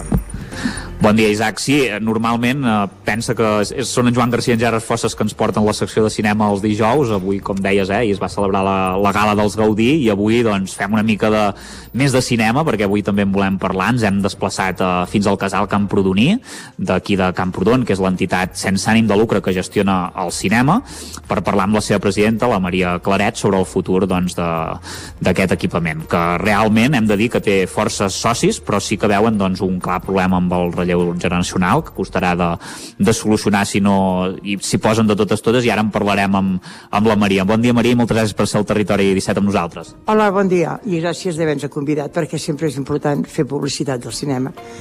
Gràcies. És el setè art que posa allà a l'entrada de, del cinema, avui en parlarem. Uh, per començar, uh, li volia preguntar una mica per quants socis tenen, perquè em sembla que la xifra és uh, molt alta i segurament des de casa la gent pensarà, ostres, com pot ser que amb tants socis uh, si una entitat, doncs, bueno, que teniu bona salut, però que realment en voleu, en voleu més perquè és, és necessari, eh? Explica'ns una mica els números, Maria. Sí, t'explico els números perquè el Casal Camprodon no, no és solament el cinema. En aquell moment sí que ens hem anat centrant en aquesta activitat, però el Casal Camprodon aglutinava totes les activitats culturals de Camprodon. Té més de 100 anys de cinema, però a més a més va ser el centre de crear-se el futbol, de crear-se, bueno, quantitat d'activitats. El cant coral, tot va sortir del casal Camprodoní. Actualment fem cinema, a més a més fem les activitats culturals que programa l'Ajuntament, eh, eh, l'escola, Jocs Floral, festes de Nadal, tenim el grup de teatre, que també fa teatre per la festa major, però val, sempre el que fem, com a un, oficialment, fem cinema tots els caps de setmana, tots els festius, i llavors el temps de vacances Mm, per, per Setmana Santa, uh mhm. -huh. tot el mes d'agost i tots els caps de setmana de l'any i també per les vacances de Nadal. Procurem que hi hagi una, una continuació i un servei per a tota la gent que soc de Camprodon i la gent que venen a Camprodon. Uh mhm. -huh. És una activitat més per fer dintre del poble. I això que comentar, eh, de socis, quants en teniu ara? Quin és el problema que teniu principalment? Eh, més que problema quan els socis és perquè els socis, esclar, tots ens fet grans. Mm -hmm. I llavors el que interessa és que hi hagi un relleu de gent jove que vulgui ser soci. Perquè si, la, si venen gent jove al cine, llavors també et motiva més a fer pel·lícules potser una mica més atrevides, que la gent gran potser no ens agraden tant. Uh -huh. Saps? És una mena de fomentar el cinema. Haver-hi gent jove sempre amb una cosa és important. Si no, no hi ha continuïtat, no es pot fer res. La gent gran n'anem, però, bueno, eh, millor que hi hagi gent jove. bon Molt dia. millor. Bon dia, Maria, aquí des dels estudis. Uh, és evident sí, bon que cal aprofundir en, en, la recerca, en, les, en la recerca de, dels joves com a futurs socis, però quines són les condicions per donar-se d'alta? Quin, mm. quin és el compromís d'un soci del casal Comprodoní? Sí, el compromís del soci és... Bueno, no es pot exigir molt. Eh, tant en quant que nosaltres som una associació, com heu dit molt bé, sense ànim de lucre, Llavors cal venir a, a, a la guixeta on es venen les entrades i allà es proporciona l'imprès per fer-se soci. El primer any es paga en efectiu. Uh mhm. -huh. En aquell moment la quota és de 30 euros l'any. I llavors té, té avantatges. Té uns descomptes a les entrades del cinema, sempre hi ha l'entrada del soci, l'entrada del... Bé, és bé, és un bon servei. I la gent, la gent que li agrada una miqueta al cinema, i també vam a dir, molta gent que no va al cinema, que són la, gran quantitat de la gent que és sòcia de Camprodon que tenen la voluntat de ser socis del casal perquè el casal no vagi a menys. Mm -hmm. és, és importantíssim aquest gruix de gent que tenim que ens ajuda i ell no es beneficia massa, saps? Perquè és gran, perquè no surt, amb la pandèmia també va ser es va condicionar una miqueta l'activitat del cine. Clar, sempre hi ha hagut coses pues, que, que afavoreixen i que no afavoreixen tant. De fet, parlàvem eh, d'això, que és un cinema més que centenari, molt més que centenari, sí. perquè ja és de, si no recordo malament, és del 1883, si, si, si, ho, si ho dic bé. Eh? Uh, expliquem una mica la, la història, com és que s'ha aconseguit aquesta continuïtat, i, i parlàvem abans eh, de, bueno, que teniu ara mateix 600 socis, més o menys, aproximadament. Com s'ha aconseguit aquesta continuïtat i una mica la història del casal Camprodoní? La història del Casal Camprodonès és la història, doncs, com totes les associacions dels pobles, que la gent s'han d'unir, perdó, han de fer activitats conjuntament, s'han de fer coses, i Camprodon sempre ha sigut un poble amb unes ganes de cultura de, de sempre. Sempre hi hem tingut gent molt important a Camprodon, que han vingut i que ens han, ens han, ens han deixat a través dels anys unes arrels culturals que hem intentat conservar i explotar. Tenim uns festivals d'Isaac Albenis, tenim la coral, que molt bé, tenim, bueno, tenim moltes coses, tenim moltes coses, també la part esportiva funciona bé, bueno, a tots els pobles tenim ganes d'ajuntar-nos i de fer coses, si no desapareixerem com a poble. Si no tenim aquests calius, si no tenim els calius de la gent fer activitats conjuntament i fer coses conjuntes, els pobles ja desapareixen molt, doncs hem de procurar augmentar-ho, procurar que hi hagi molts socis, en el nostre cas, i procurar de fer moltíssimes coses perquè la gent s'hi trobi bé. Perquè si arribes a un poble i preguntes què has de fer i si fa mal temps no saps què fer i si no hi ha activitat perquè tothom té nens uh -huh. i venen els caps de setmana, doncs si és una sessió infantil a l'estiu mateix fem cada setmana uh -huh. dos sessions infantils. A l'hivern és més difícil, perquè només es pot fer justament el dissabte. Llavors moltíssims nens venen perquè van esquiar, perquè fan altres activitats. Però sí que és molt, té molta compensació que hi hagi un cinema perquè la gent puguin, fer, puguin assistir-hi. Uh -huh. uh, quin tipus de pel·lícules projecten tornant al cinema, Maria? Intentem estar actualitzats potser ens no fem tantes pel·lícules com de ciència-ficció com potser el jovent li interessa mm, fem pel·lícules una miqueta més clàssiques. Uh -huh. Per exemple, ahir vam fer Història d'una caïda. Realment fem pel·lícules molt noves. Però potser els, te els temes eh, potser són una miqueta més clàssics, com a voldria dir, menys eh, espectaculars. Uh -huh. saps? És el, el, el nostre tarannà, perquè, esclar, els, la clientela que tenim també s'ajusta una mica en aquest tipus de pel·lícules que ara cada, n'hi ha moltes. Uh -huh. Tenim un, un ventall molt ample per poder-les fer. Quina és la relació, quina és sí, la manera de, de relacionar-se amb, la, amb la indústria distribuïdora, diguéssim, no? perquè entenc que no és el mateix que una sala comercial. No, nosaltres, esclar, saps què passa? Que nosaltres és una activitat sense ànim de lucre. Llavors la gent que, que, que ens col·laboren, doncs, tota la gent de la Junta, fem coses, ja, mira, jo, jo faig una activitat, llavors una altra persona fa la programació, que no és de la Junta, aquesta persona és una persona col·laboradora que ho fa perquè, perquè estima molt el cinema. Uh -huh. Doncs fa la programació, llavors directament es programa i es tracta amb les distribuïdores. No anem amb un, amb un programador oficial, diguéssim. Anem directament a les cases. Això també ens facilita molt el poder triar les pel·lícules. A vegades té el problema de que potser no es poden anunciar amb molta, molta anticipació les programacions, perquè deparem una mica del, de l'èxit més gros o més petit que hagin tingut les pel·lícules a, a, a Barcelona o en sales més importants que nosaltres. Però no, ens surt bé. Ens surt bé, tenim una bona, molt bona relació amb les, amb les cases de pel·lícules amb les distribuïdores n'hi ha moltes de catalanes també, ara val a dir que n'hi ha de molt bones. Agafant una mica el fil precisament potser per a pel·lícules d'aquestes més noves que les pugueu tenir eh, més ràpidament, fa pocs anys, 3-4 anys, veu digitalitzar el que seria el projector, no? això us ha ajudat molt, eh? Fa més anys, ja fa més anys, fa 8 anys mm. que vam digitalitzar. Si no l'haguéssim digitalitzat havíem de tancar, perquè les pel·lícules del Super 8, nosaltres, ah, perdona, jo de tècnica en sé poc, jo sé molt relacionar-me per les pel·lícules i per tot això, però de tècnica no en sé massa. Però la màquina que nosaltres teníem, que encara la tenim a la sala de màquines com, com a record, havíem de plegar de fer cinema, ja no en podíem fer. No en podíem fer perquè no hi havia producció d'aquestes pel·lícules. Uh -huh. I llavors el digitalitzar ens ha facilitat moltíssim. És molt fàcil. Uh -huh. I encara han sortit coses més noves, perquè ara encara nosaltres fem servir, fem servir DCPs. Ens envien el DCP, nosaltres gravem la pel·lícula i llavors tenim pel·lícules que són en obert. Vull dir que llavors clicant el botó ja les podem projectar. Però moltes pel·lícules venen amb KDM. I llavors és l'autorització perquè tu puguis projectar la pel·lícula. Depèn de les cases. Les cases modernes, diem aquestes distribuïdores noves, és més fàcil. Però les distribuïdores clàssiques doncs eh, sempre venen amb KDM i condicionen una mica, però bueno, ja hem solventat tota aquesta, aquesta etapa ja està solventada. déu nhi eh, per no conèixer la tècnica amb, amb el discurs que ens ha fet, eh, Maria. Ai, perdona, poder parlo massa. No, no, ha anat, ha anat, molt, ha, ha anat molt bé, no, no, quasi molt aclarida volia dir. Quanta gent hi sou a ajudar quan, quan cada sessió, cada projecció, diguéssim, quantes persones sou al darrere i quantes en feu a la setmana? Sí, nosaltres fem dues sessions el dissabte i el diumenge, perdona, quatre sessions uh. -huh dues el dissabte i dues el diumenge, i llavors una vegada al mes fem una projecció els divendres a les 8 en, en versió original. A Camprodon tenim escoles d'idiomes i llavors va ser un projecte que vam assolir amb ells intentem fer una pel·lícula en anglès, que és el que sembla que, que és, més, és més necessari pels alumnes i per tothom, doncs intentem fer una pel·lícula en versió original. moltes vegades aprofitem i projectem la mateixa pel·lícula al cap de setmana. La fem el divendres en, en versió original i llavors el dissabte i el diumenge la fem en català sempre que podem i en castellà quan no hi ha més remei. Bueno, clar que sí que hi ha més remei, però val, no, ja ho fem bé. Per res, per últim, per acabar, Maria, una, una cosa que et volia preguntar. Uh, Camprodon és un poble d'estiuejat. No sé si teniu més uh, cinema, més espectadors a l'estiu o a l'hivern. Entenc que a l'estiu. No hi ha comparació. Esclar, a l'hi- a l'hivern, per exemple, el dissabte... Mira, tenim molt èxit a les sessions de la tarda. Les sessions de les 6 de la tarda hi ha molta gent.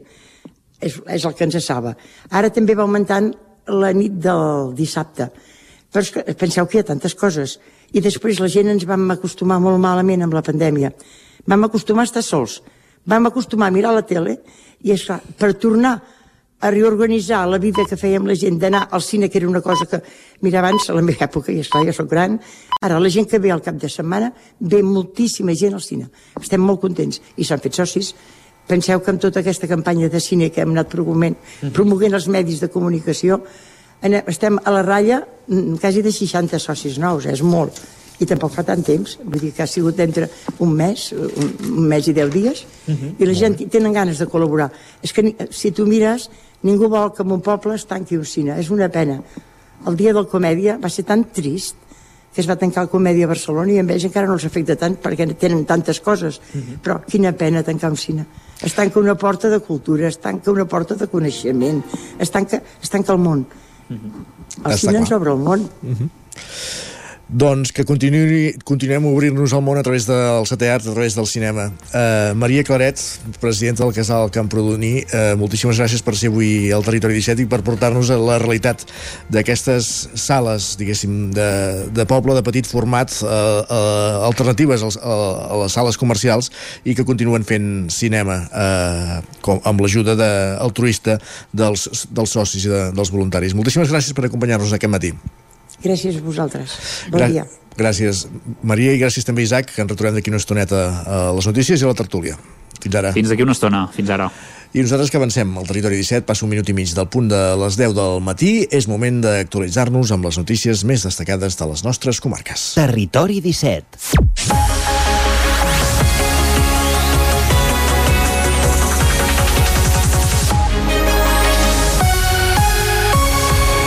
Moment per la informació al territori 17, el magazín de les comarques del Vallès Oriental, Osona, el Ripollès, el Moianès i el Lluçanès, que us fa companyia cada matí durant dues hores a través de l'antena de la veu de Sant Joan, Ona Codinenca, Ràdio Cardedeu, Ràdio Vic, el 9FM.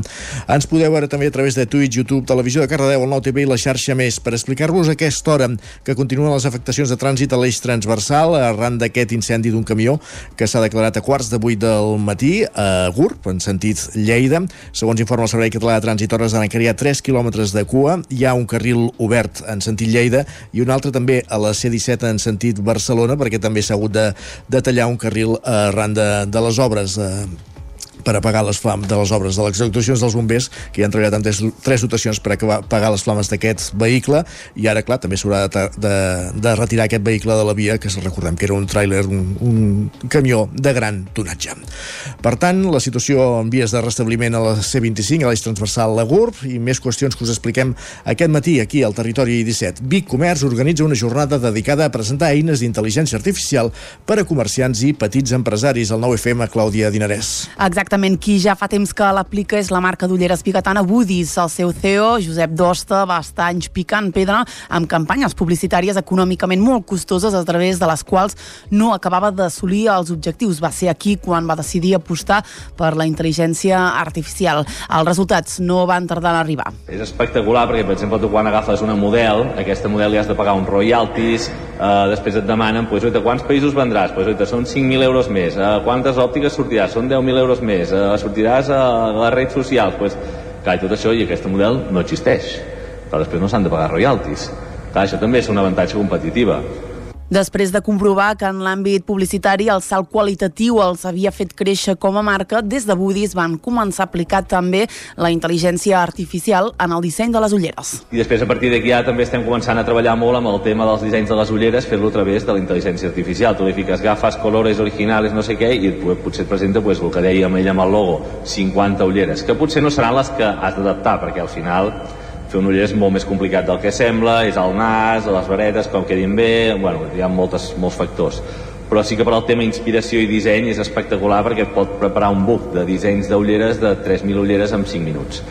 Durant la conferència es van presentar altres capacitats de la intel·ligència artificial aplicables al comerç, com ara l'automatització de tasques, la gestió de l'inventari o l'anàlisi de dades. Més qüestions. Josep Pujades torna a la presidència de la Cambra d'Osona. L'empresari manlleuenc, que ja havia estat el delegat de la Cambra a la comarca entre els anys 2010 i 2016, ha estat designat per tornar-la a encapçalar en substitució de Pere Ententes. Durant la seva etapa anterior al capdavant de la Cambra d'Osona, Pujades va participar activament com a vocal del patronat de la Fundació Universitària Balmes, Creacció, Ausa Futur i la Fundació Antiga Caixa Manlleu. En el darrer mandat ha estat distingit amb la medalla d'honor de la institució. Fins a la seva jubilació l'any 2018, Pujades va ser el gerent d'una empresa familiar de fusteria i mobles a mida, a Manlleu. Al llarg de la seva vida professional també va presidir el Gremi de la Fusta a la comarca d'Osona, el Patronat de la Formació Professional de Manlleu i també va ser vocal de l'Hospital de Sant Jaume. Doncs, de fet, d'aquí uns minuts a la Cambra d'Osona s'oficialitzarà el relleu entre Josep Pujades i Pere Ententes, de fet al revés, entre Pere Ententes, el president sortint, i el nou president de la Cambra d'Osona, Josep Pujades. Més qüestions. Aquest cap de setmana s'han complert 85 anys de l'entrada de les tropes franquistes arreu de la comarca d'Osona i dels bombardejos al final de la Guerra Civil, tot plegat just després que el cap de setmana passat es commemorés el Dia Internacional de les Víctimes de l'Holocaust, una data que Sant Quirze de Besora van aprofitar per retre homenatge a cinc santquirzencs que van perdre la vida a Mauthausen, Clàudia. En Josep Garcia treballava en una impremta a Barcelona quan l'any 1939, amb la desfeta de la República, es va veure obligat a fugir cap a França. És un d'aquests cinc homenatjats, juntament amb Pasqual Ansaldo, Mariano Olea, Agustí Olea i Jeroni Sorinyac, que des d'aquest cap de setmana se'l recorda amb una llamborda. En alemany, Stolperstein significa pedres que fan ensopegar i pretenen homenatjar així les víctimes del nazisme, fent que qui passa per damunt miri el terra i en llegeixi el seu nom i la data en què va ser assassinat.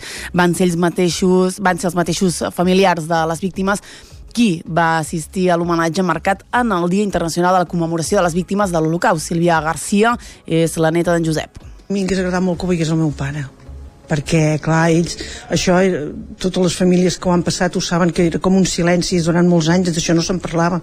I quan hi va haver el retorn a la democràcia, perquè tot anés bé, d'això no se'n va parlar, i fins i tot facultats d'història no, gairebé no se'n parlava. És, era com, va ser com una sorpresa el saber que hi havia tants catalans i espanyols en els camps de concentració.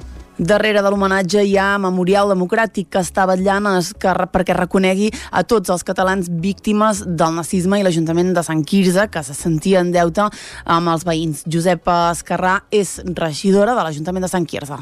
És una manera entranyable de fer un reconeixement a aquestes persones que sense motiu ni res van patir la repressió i la, la tortura i els treballs forçats i finalment l'assassinat. Aquesta acció tancava també un projecte educatiu que es va dur a terme a l'Institut Bisaura, un projecte per implicar els més joves amb la història. En aquests moments ja hi ha més de 60.000 llambordes Stolperstein arreu d'Europa. Més qüestions, gràcies, Clàudia. Com explicar el conflicte de Palestina als més petits? A Cardedeu s'ho han preguntat i per això han dut a terme una xerrada explicant eines i mètodes per poder explicar d'una manera entenedora tot el que està passant al pròxim Orient. Enric Rubio, Ràdio Televisió, Cardedeu. La tasca, ja et dic jo, que no és senzilla no és gens senzilla i realment ha tingut una acollida molt bona, ja que hi havia molta gent que realment famílies s'ho estaven plantejant aquí al poble i se n'havia comentat. Uh, doncs així és el conflicte d'Israel i Palestina com és ben sabut, ocasiona preguntes i preguntes a infants i joves que en qualsevol moment poden posar la televisió o veure les notícies en una pantalla i veure el que està passant en aquesta zona i preguntar-se el per què de tanta violència. Coincidint amb el Dia Escolar de la No Violència i la Pau, s'organitzava una xerrada al gimnàs de l'escola Can Manent sota el títol Què està passant a Palestina i com parlar-ne amb els infants. Una xerrada dirigida a adults per poder obtenir claus sobre com afrontar el tema amb els més petits de la casa.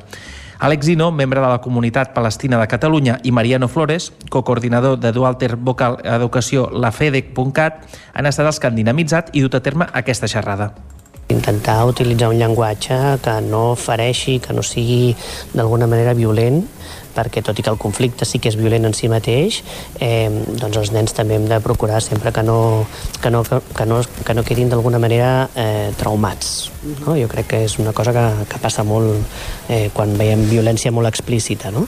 I sí que es pot parlar exactament doncs, del rerefons que hi ha, explicar una mica doncs, també eh, com, com s'ha arribat aquí i intentar doncs, sempre utilitzar un llenguatge i jo també, per exemple, ho dic perquè sóc pare eh, des de la meva filla, amb la meva filla jo sempre he intentat transmetre la nostra palestinitat des de l'amor això és molt important, no? I això és com ho vaig rebre de part del meu pare. Nuestra responsabilidad como educadores, ¿no? O como, como docentes, eh, es cuidar el escenario y el espacio en el que nuestros hijos se puedan sentir a gusto para hacer sus preguntas y también recibir la información que consideremos que, que puedan recibir. Claro, no hay una receta mágica de decir esto sí, esto no. Yo creo que también la madurez de cada infante pues depende también de, de, de que lo conozcamos y de, y de que sepamos hasta dónde llegar. Per la seva part, Àlex Ino, membre de la Comunitat Palestina de Catalunya, aportava vivència personal sobre l'ocupació de Palestina i també la contextualització per entendre el que ha passat en els últims 75 anys i l'origen del 7 d'octubre. Com hem escoltat, a l'Àlex l'acompanyava amb Mariano Flores, coordinador de Dualter Vocal Educació de la FEDE.cat per posar la visió, la visió educativa i escolar i a partir de la pau i de la seva construcció. Gràcies, Enric. I en un altre racó del Vallès Oriental, el Teatre Centre de Caldes de Montbui torna a aixecar el taló aquest divendres amb un, espectac amb un aspecte totalment renovat i amb una excel·lent acollida per part dels calderins. Roger Rams, zona codinenca.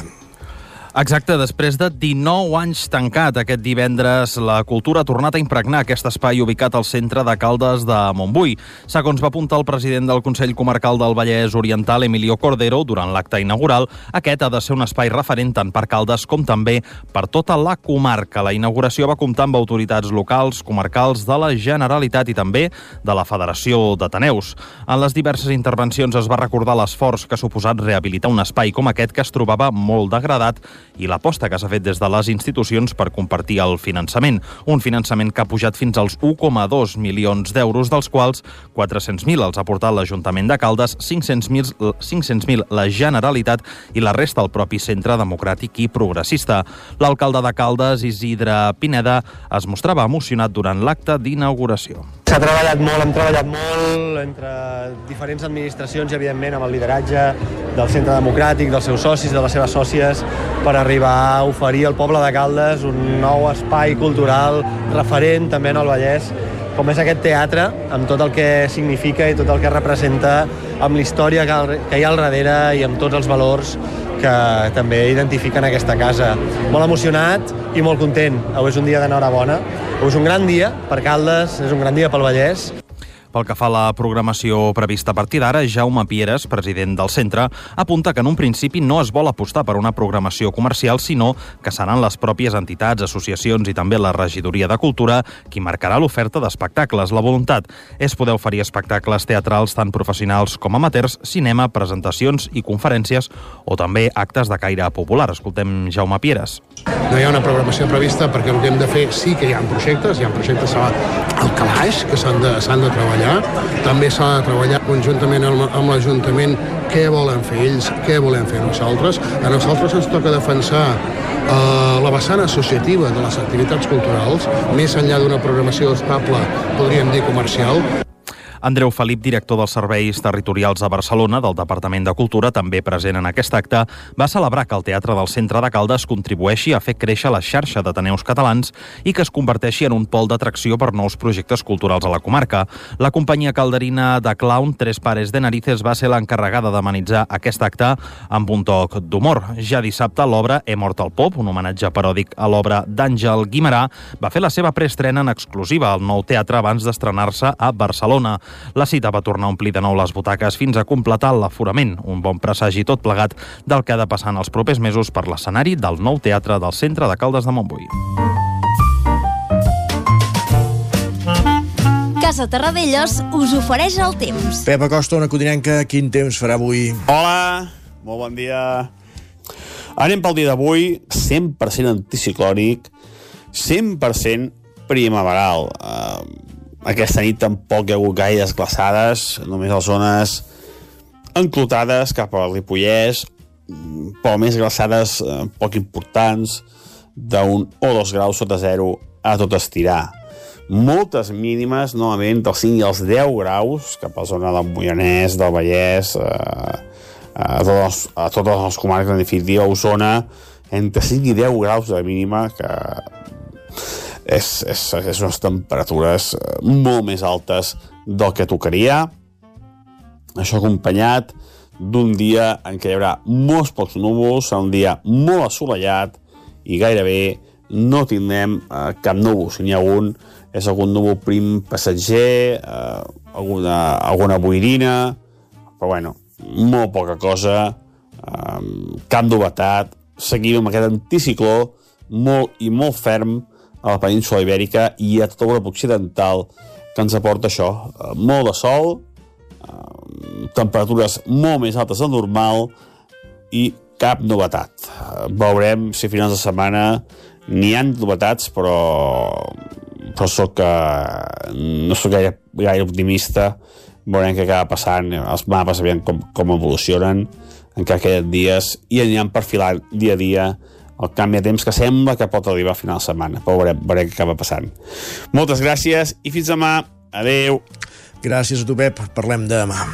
Casa Tarradellas us ha ofert aquest espai. I ara, quan és un quart d'onze del matí, és moment pels esports.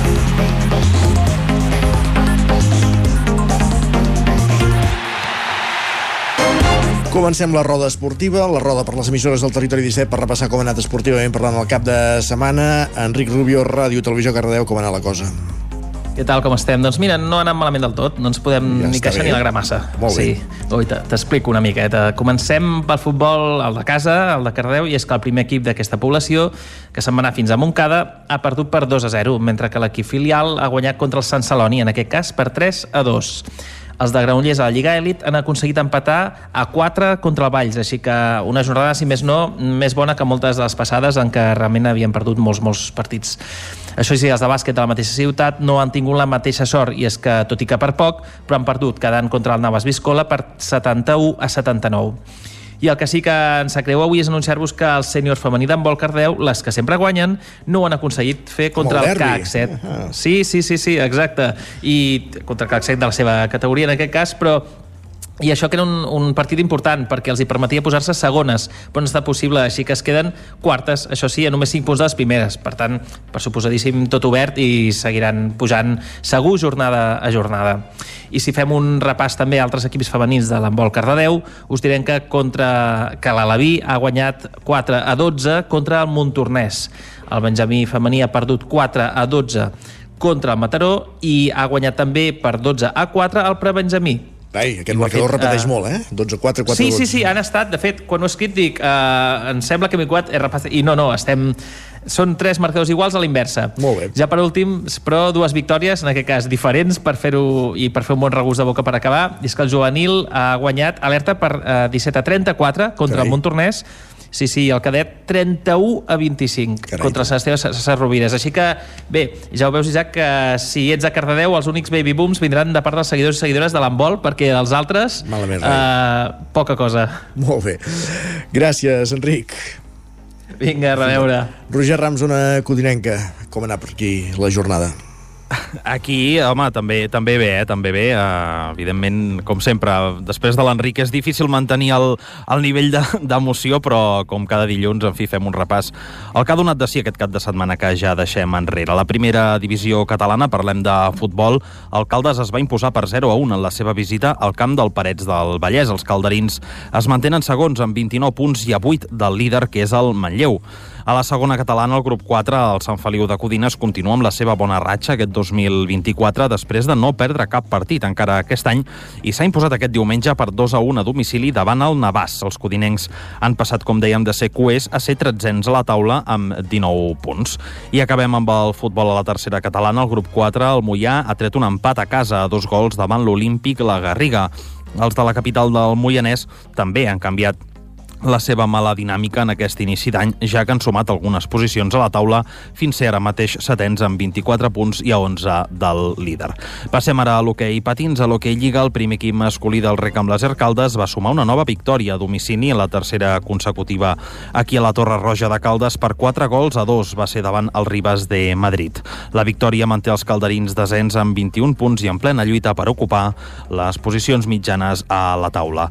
A l'hoquei Lliga Plata Nord, el Sant Feliu Feliu va treure ahir diumenge un empat a 1 a la pista del Tordera i els ballesans doncs, es mantenen sisens amb 19 punts. I acabem el repàs a la Lliga Nacional Femenina, on el primer equip d'alcaldes va empatar a 2 a la pista del Reus, mentre que les noies del Vigues van guanyar per 5 a 2 davant el Vilanova. Gràcies, Roger. Continuem aquest recorregut al Ripollès en un punt indeterminat entre Camprodon i Sant Joan de les Abadesses. Hi ha l'Isaac Muntades, la veu de Sant Joan. Bon dia, doncs, si us sembla, comencem parlant del derbi de futbol del grup 3 de la tercera catalana entre la Badesenc i el Camp de Bànol, que es va disputar a porta tancada al camp dels Sant Joanins, i hem de dir que va tenir un resultat sorprenent, i és que el Camp de Bànol es va menjar del 0 a 3 de la primera volta i li va clavar un 0-4 als Sant Joanins a domicili en un dels millors partits dels verd i blancs dels últims anys, que en aquest cas es va produir al camp del líder. Garrido abans de la mitja hora va aprofitar un refús del porter per fer el primer i Maideu en un altre refús va doblar l'avantatge mm, abans del descans. Només començar la segona part, Blanco en un contraatac va fer el tercer, Abde va ser expulsat al minut 70 i amb 10 homes la Badesenc va encaixar el quart, obra de Maideu, guanyant l'esquena a la defensa. Evidentment, amb aquest resultat, la Badesenc perd el lideratge en detriment de la Mer i és segona amb 35 punts, mentre que el Camp de Bànol puja fins a la novena posició i ja en té 24 en una victòria que l'omple de moral i el Camprodon per la seva banda va empatar a 3 a casa contra el Sant Joanenc en un partit que se li va complicar molt. I és que tot i el gol de Lluc en un refús pels locals Caballero va empatar de penal només començar la, la segona part. Sosa i Nil van posar l'1 a 3 en dues pèrdues de pilota i Lluc va aconseguir reduir distàncies de penal. Jordi va aconseguir l'empat a falta de 15 minuts per acabar. Ara el Camprodon és setè amb 26, amb 26 punts després d'aquest de, empat. I a la Lliga Nacional Catalana d'Hockey l'Hockey Club Ripoll va tornar a marxar amb les mans buides en un partit força igualat amb el Sant Cugat que va perdre per 6 a 5. Els ripolleros van avançar, però els locals van posar-se 3 a 1 i el descans s'hi va arribar amb un clar 5 a 2 Després de la represa, sí que els ripolleros van retallar distàncies fins al 5 a 4, però no van marcar les dues faltes directes que van tenir que els haurien donat l'empat i els locals van fer el sisè. El Ripoll també en va fer un altre a última hora. Jaume amb un triplet de Viti Monge van fer els gols. Ara el Ripoll és de 24 punts i ja només en té 6 de marge sobre la promoció de descens que havia estat a més de 10, per tant ara comença a espavilar el Ripoll. I en la Lliga de Primera Nacional, l'Escola de Futbol Sala Ripoll Servicat va vèncer per 3 a 2 a l'Albelda i se situa 5è amb 18 punts, però amb dos partits menys, per tant encara pot escalar més posicions. Eric va avançar als locals, però l'Albelda va empatar amb una falta directa. Germán va fer el segon abans del descans i a la segona part es va tornar a anivellar la balança, però Eric de nou va fer el gol definitiu després de superar a dos rivals. Gràcies, Isaac. I acabem aquest repàs amb l'esport usonenc, com ha anat el cap de setmana esportivament parlant a la comarca d'Osona en companyia d'en Guillem Freixa, ja el tenim als estudis del 9FM. Guillem, bon dia. Hola, molt bon dia. Doncs... Per on comencem? Sí, tenim una mica de tot. Comencem per l'hoquei a patins, per l'hoquei lliga masculina, on el Voltregà va tornar a guanyar fora. És una mica la, la notícia de, de la jornada, perquè el Voltregà no aconseguia la victòria a domicili des de la primera jornada de la competició. Això vol dir que ja feia sis desplaçaments, que no s'emportava els 3 punts de la pista contrària. Ho va fer a Mataró, 1 a 3, eh, bon partit dels de Lluís Teixidor i Tudi Nugue, que els permet doncs, consolidar-se en aquesta zona mitja alta de la classificació. Ara són sisens a la taula classificatòria. Fantàstic. En la Hockey Lliga femenina hi havia doble partit eh, que jugaven com a locals, eh, tant Martinelli a Manlleu com Voltregà Movento eh, Estern. Per part del Martinelli a Manlleu rebien el Palau, eh, un dels eh, candidats a, a tot eh, aquesta temporada, i les Manlleu manlleuenques que van competir a un molt bon nivell, van acabar perdent 1 a 2 i podríem dir que el desencert va ser el que va condemnar el Martinelli a Manlleu perquè van disposar de diverses oportunitats com a mínim per empatar, fins i tot un penal en els últims instants i no hi va haver uh, manera. Pel que fa al Voltregà Movento Estern, rebia a casa el Mataró, derrota 3 a 4, partit uh, realment igualat, en què les mataronines es van avançant al marcador. El Voltregà va aconseguir capgirar el resultat, situar-se 3 a 2, però les acaballes, eh, les del Maresme, doncs tornaven a, a girar el resultat per emportar-se la victòria amb aquest eh, 3 a 4. Eh, un altre focus important d'activitat aquest cap de setmana derbi. era, exacte, l'Hockey Lliga Plata, en concret en el grup eh, Nord, aquest eh, derbi usonenc entre Vic i Manlleu, entre biguetans i, i manlleuencs, que se'l van portar al Club Pativic 4 a 1. déu nhi Sí, un resultat eh, clar a favor del Vic. Això sí, el partit es va resoldre en la segona meitat, en la primera molta intensitat, molta igualtat, això sí, el Vic marxant al descans ja amb avantatge en el eh, marcador, i com dèiem, en la segona part sí que els biguetans van imposar el seu ritme de joc, més pausat, amb més calma, i va arribar també a l'efectivitat, aprofitant eh, principalment les errades del Manlleu en pèrdues de, de bola i llavors, òbviament, l'encert d'endreçar-les al fons de la xarxa. En aquesta OK Lliga Plata, en el grup eh, sud, el Taradell, que s'allunya de l'ascens, va perdre la pista del Palaforgell 4 a 1, per tant, el Taradell, que amb aquestes ensopegades veu com se li escapen els eh, equips capdavanters de la Lliga. Obrim la carpeta futbolística, ho fem amb la tercera federació, amb un empat del Tona a casa contra l'Escala, 1 a 1, els eh, tonencs que s'avançaven al minut 60 amb un gol d'Escarravill, Uh, no arribava a la segona diana, sí que hi havia domini, hi havia la possessió del Tona, fins i tot més arribades que, que els rivals, però no hi havia aquest segon gol que permetia tancar el duel i això ho aprofitava doncs, l'escala per restablir l'empat, un resultat que ja no es mouria, un Tona que tot i aquesta eh, petita ensopegada o entrebancada, podríem dir, de, de l'empat, continua en tercera posició en aquesta tercera federació, realment molt mèrit.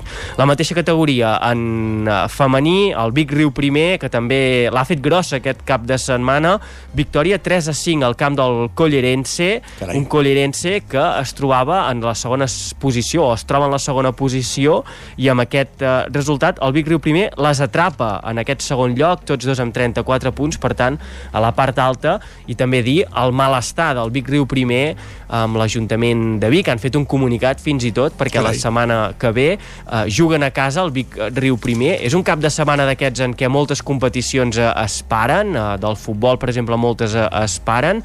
A Vic s'hi farà un, un torneig de, de futbol base i el Vic Riu primer doncs, explica que, que s'han vist obligades a, a buscar un altre camp perquè els hi han dit que el seu camp estarà ocupat per aquest torneig de, de futbol base i en principi jugaran a Manlleu.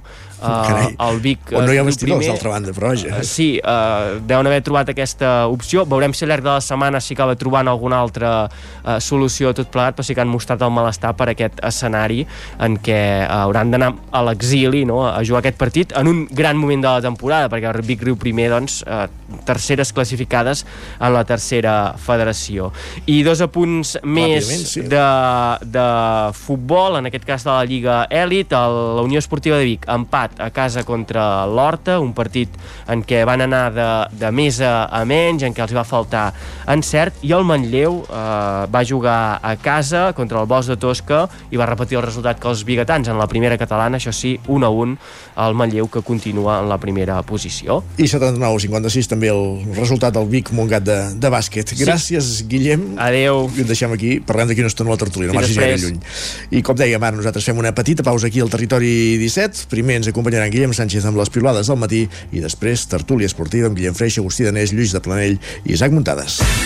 El nou FM, la ràdio de casa, al 92.8. Menja ràpid, menja fàcil, el trinxat de les Cerdanyes diu Carlit. Boníssim! Trinxat Carlit, 100% natural, fet cada dia a Puigcerdà i a punt en un minut. Encara et preguntes com t'ho faràs perquè els nens mengin verdura? El trinxat de les Cerdanyes diu Carlit. Ho han dit avui, al 9FM? Ai, no ho he pas sentit. Tot té solució. Recupera programes, seccions i entrevistes del 9FM al 9FM.cat. Des de ben petit tindré un somni que és obrir un restaurant. Han sortit moltíssims llibres. Et demanen dades que, per altra banda, l'administració ja hauria de tenir.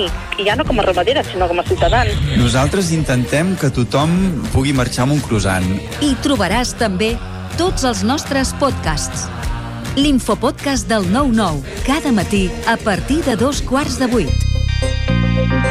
I comencem parlant d'un tema punyent. Persones que passen per moments de gran dolor. L'infopodcast del 9-9. La lupa, d'Agustí Danés, cada divendres. La lupa, Agustí Danés. Els aniversaris. Cada vegada vivim més anys i cada vegada hi ha menys naixements. La combinació d'aquestes dues evidències distorsiona la piràmide d'edat. Paraula d'enfruns, el nostre podcast de llengua cada dimecres. Quan escoltem ho fem voluntàriament i en canvi sentir, podem sentir moltes coses encara que nosaltres no vulguem. Bruixes del dia, el podcast de dones i bruixes de Laura Centelles i Maria Saladí. Estàs escoltant Bruixes del dia. La meva relació amb la mort és totalment diferent, perquè jo morts, diguéssim, físiques d'un cos, n'he vist, crec que una a la meva vida. Feeling the 5, l'actualitat de casa nostra en anglès. Hello and welcome to Filling the Sink, a podcast from Catalan News. My name is Lucia I també tots els relats finalistes del concurs de narrativa curta del 9-9. He despertat a mig de la foscor. Tinc la boca seca i els ulls em El 9fm.cat, la ràdio en línia i els podcasts del 9FM. Cocodril Club. Si t'agrada la bona música dels anys 60, 70 i 80, escolta el 9 FM als matins de dissabtes i diumenges d'11 a 1. És el temps del Cocodril Club, tot un clàssic de la ràdio, amb les bases del pop-rock, les llegendes, les cançons que s'han convertit en autèntics himnes. Recorda, dissabtes i diumenges al matí, d'11 a 1, al 9 FM 92.8. Cocodril Club, el programa revival de l'Albert Malla. Hasta luego. El 9 FM, el 9 FM, el 9 FM. En punt, dos quarts d'onze, al territori 17. I aquella música que estén la catifa vermella en Guillem Sánchez, que ja és als estudis.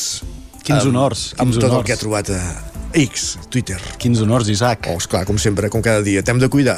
Sí, sí, sí. Perquè ens continuïs buscant la millor piulada cada dia. Mira, us cuido tant que us porto coses que jo no m'hagués imaginat mai que poguessin passar un dilluns al matí a primera hora. Aviam, que el, tren, que el tren vagi malament. Això no, és molt aquesta, com que ja no és notícia, ja no, les, ja no les traiem. El que ens escriu la, la Susana avui al matí, que diu el dilluns ha arrencat fort quan de bon matí ja he hagut de clavar frens per no estampar-nos amb un senglar que ha creuat la carretera fent els 100 metres llisos. Carai, ah, on era això? Podem No ens, diu a on, no ens diu on, però si fos a la comarca d'Osona podria ser en qualsevol carretera...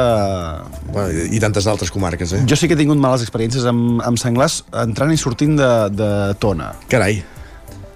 Per tant, mira, si fos allà, jo podria assegurar que és un lloc on hi ha, on hi ha aquest tipus de bèsties.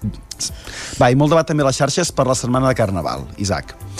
Posem-nos una mica en context. Ens escriuen... Ah, ah, Suposo que has portat ja un mitjó de cada color avui, eh, No, Sánchez? encara no, com encara no. dia. No, encara tinc ulls a, a la cara, per tant encara em sé posar els mitjons. Bé, ens escriuen, segons el Carnestoltes de l'escola del meu fill avui, diu en pijama vindràs i adormit semblaràs. Diu, trobo molt representatiu d'un dilluns a quarts de vuit. Ves que no ho faci, jo també. Bon dia i bona setmana de Carnaval. Sánchez, tu no? No, no ens en pijam avui, eh? No, però una mica dormit encara, encara ho estem. L'altre punt de vista és el que ens escriu aquest usuari que ens diu suport fortíssim a tota la canalla que no li molen les ordres del Carnestoltes. Diu, sisplau, no els obligueu. També existeixen, és cert. I en Jaume hi afegeix, diu, i els professors que lluiten per quedar al marge de la dictadura carnavalesca. Jo crec també que n'estem fent un, una mica un gramassa, no? Una mica sí. Una setmana que et puguis pintar els cabells o puguis posar-te el pijama per anar a l'escola. Ves quin honor, no? Poder anar a l'escola en pijama. Que no... Però, sí, bueno, en fi, també hi ha el sentit del ridícul, eh? Hi ha, qui- hi ha gent que el té. Sí, vaja. I s'ha de dir, Isaac, que estic bastant d'acord amb aquesta afirmació també que ens escriuen. Ens diuen, el Carnestoltes havia de ser una cosa de desordre i desobediència, i a la canalla els estem ensenyant que el Carnestoltes és igual a obeir tot de consignes estúpides que s'han inventat l'alcalde amb un amic seu.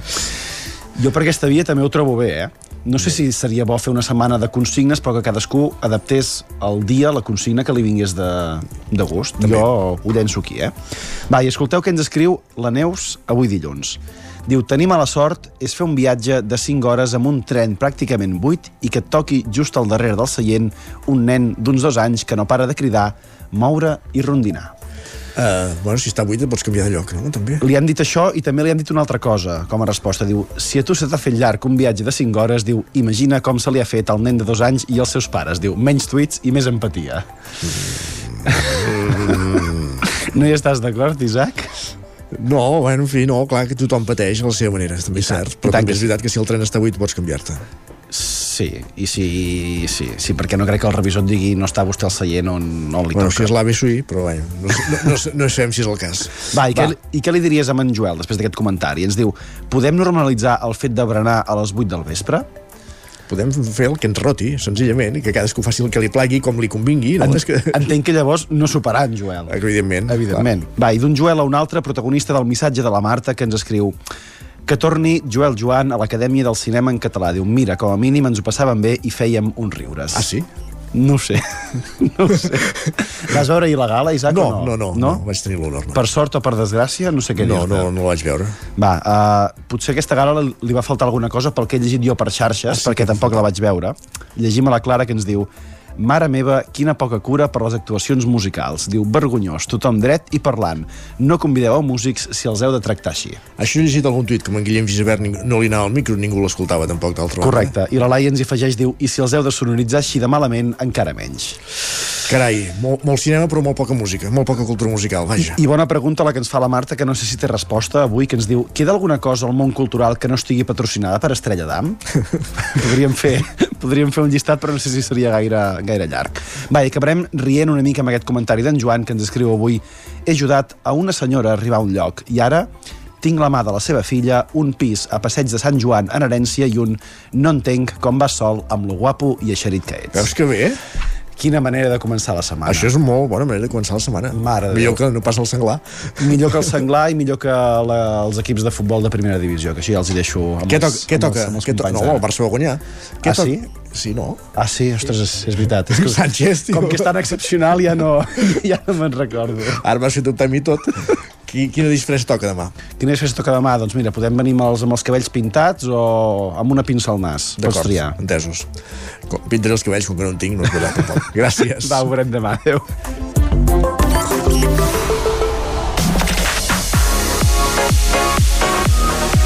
Territori 17. I ara, quan passen 5 minuts a dos quarts d'onze, temps de la per la tertúlia esportiva.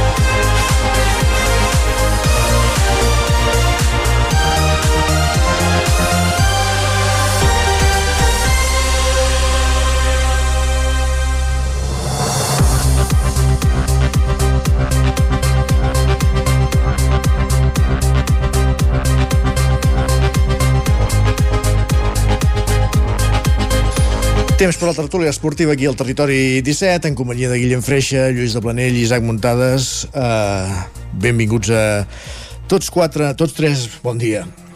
Bon dia. En una jornada en què, com ara comentàvem en Guillem Sánchez, el Barça eh, guanyava el camp de l'Alavés, però els dos de dalt, ni Girona ni Madrid passen de l'empat a 0 contra la Real Societat en el primer cas i a 1 contra l'Atlético de Madrid. En el segon, això sí, expulsió de Mitchell abans de la visita al Bernabéu i casualment l'àrbitre del Girona Real Societat era un tal Gil Manzano. Bon dia, benvinguts a tots. Bon dia. Bon dia. Bueno, el, el Girona va empatar perquè no li van deixar fer una altra cosa. També, no? Com el Madrid, no? Més o menys. No, com el Madrid no, el Madrid... Com el Madrid no? I els dos penals que li van tangar? Bueno, En clar... parlarem o no, Però... dels penals? Uh, Va, ja, ja comencem. El no, teu- no, no, no, no, Guillem, no. el teu criteri no. per xiular penals a, a favor del Madrid vull dir, una cosa és uh, tornem a estar amb el mateix de sempre eh? les, les interpretacions de les jugades, l'altra cosa són errors uh, jo considero mm, flagrants de, de distorsió de, del funcionament d'una eina no? vull dir, el bar Uh, jo crec que és una de les coses que va, va quedar clar a la majoria de la gent que quan hi havia una jugada uh, i aquella jugada la tocava un altre, un altre uh, jugador es generava una jugada nova un altre, de l'equip contrari es generava una jugada nova i per tant uh, les anteriors jugades ja no eren revisables pel bar sinó que tornava a, com a començar el, el, diguem, el cicle mm, lo del dissabte a Montilivi jo no sé on van anar a buscar les jugades perquè la toquen dos jugadors de la Real Societat com a mínim després del, del fora de joc que és fora de joc? segurament sí però un cop continua la jugada, no es xiula eh, es generen nous dos cicles de jugades anar-lo a buscar tan enrere no, no ho puc arribar, arribar a entendre i després també escandalós Uh, ja no sé si amb, amb, amb mala fe o no amb mala fe però lo de, lo de Gil Manzano mm, expulsant Mitchell amb una protesta com hi ha tantes no?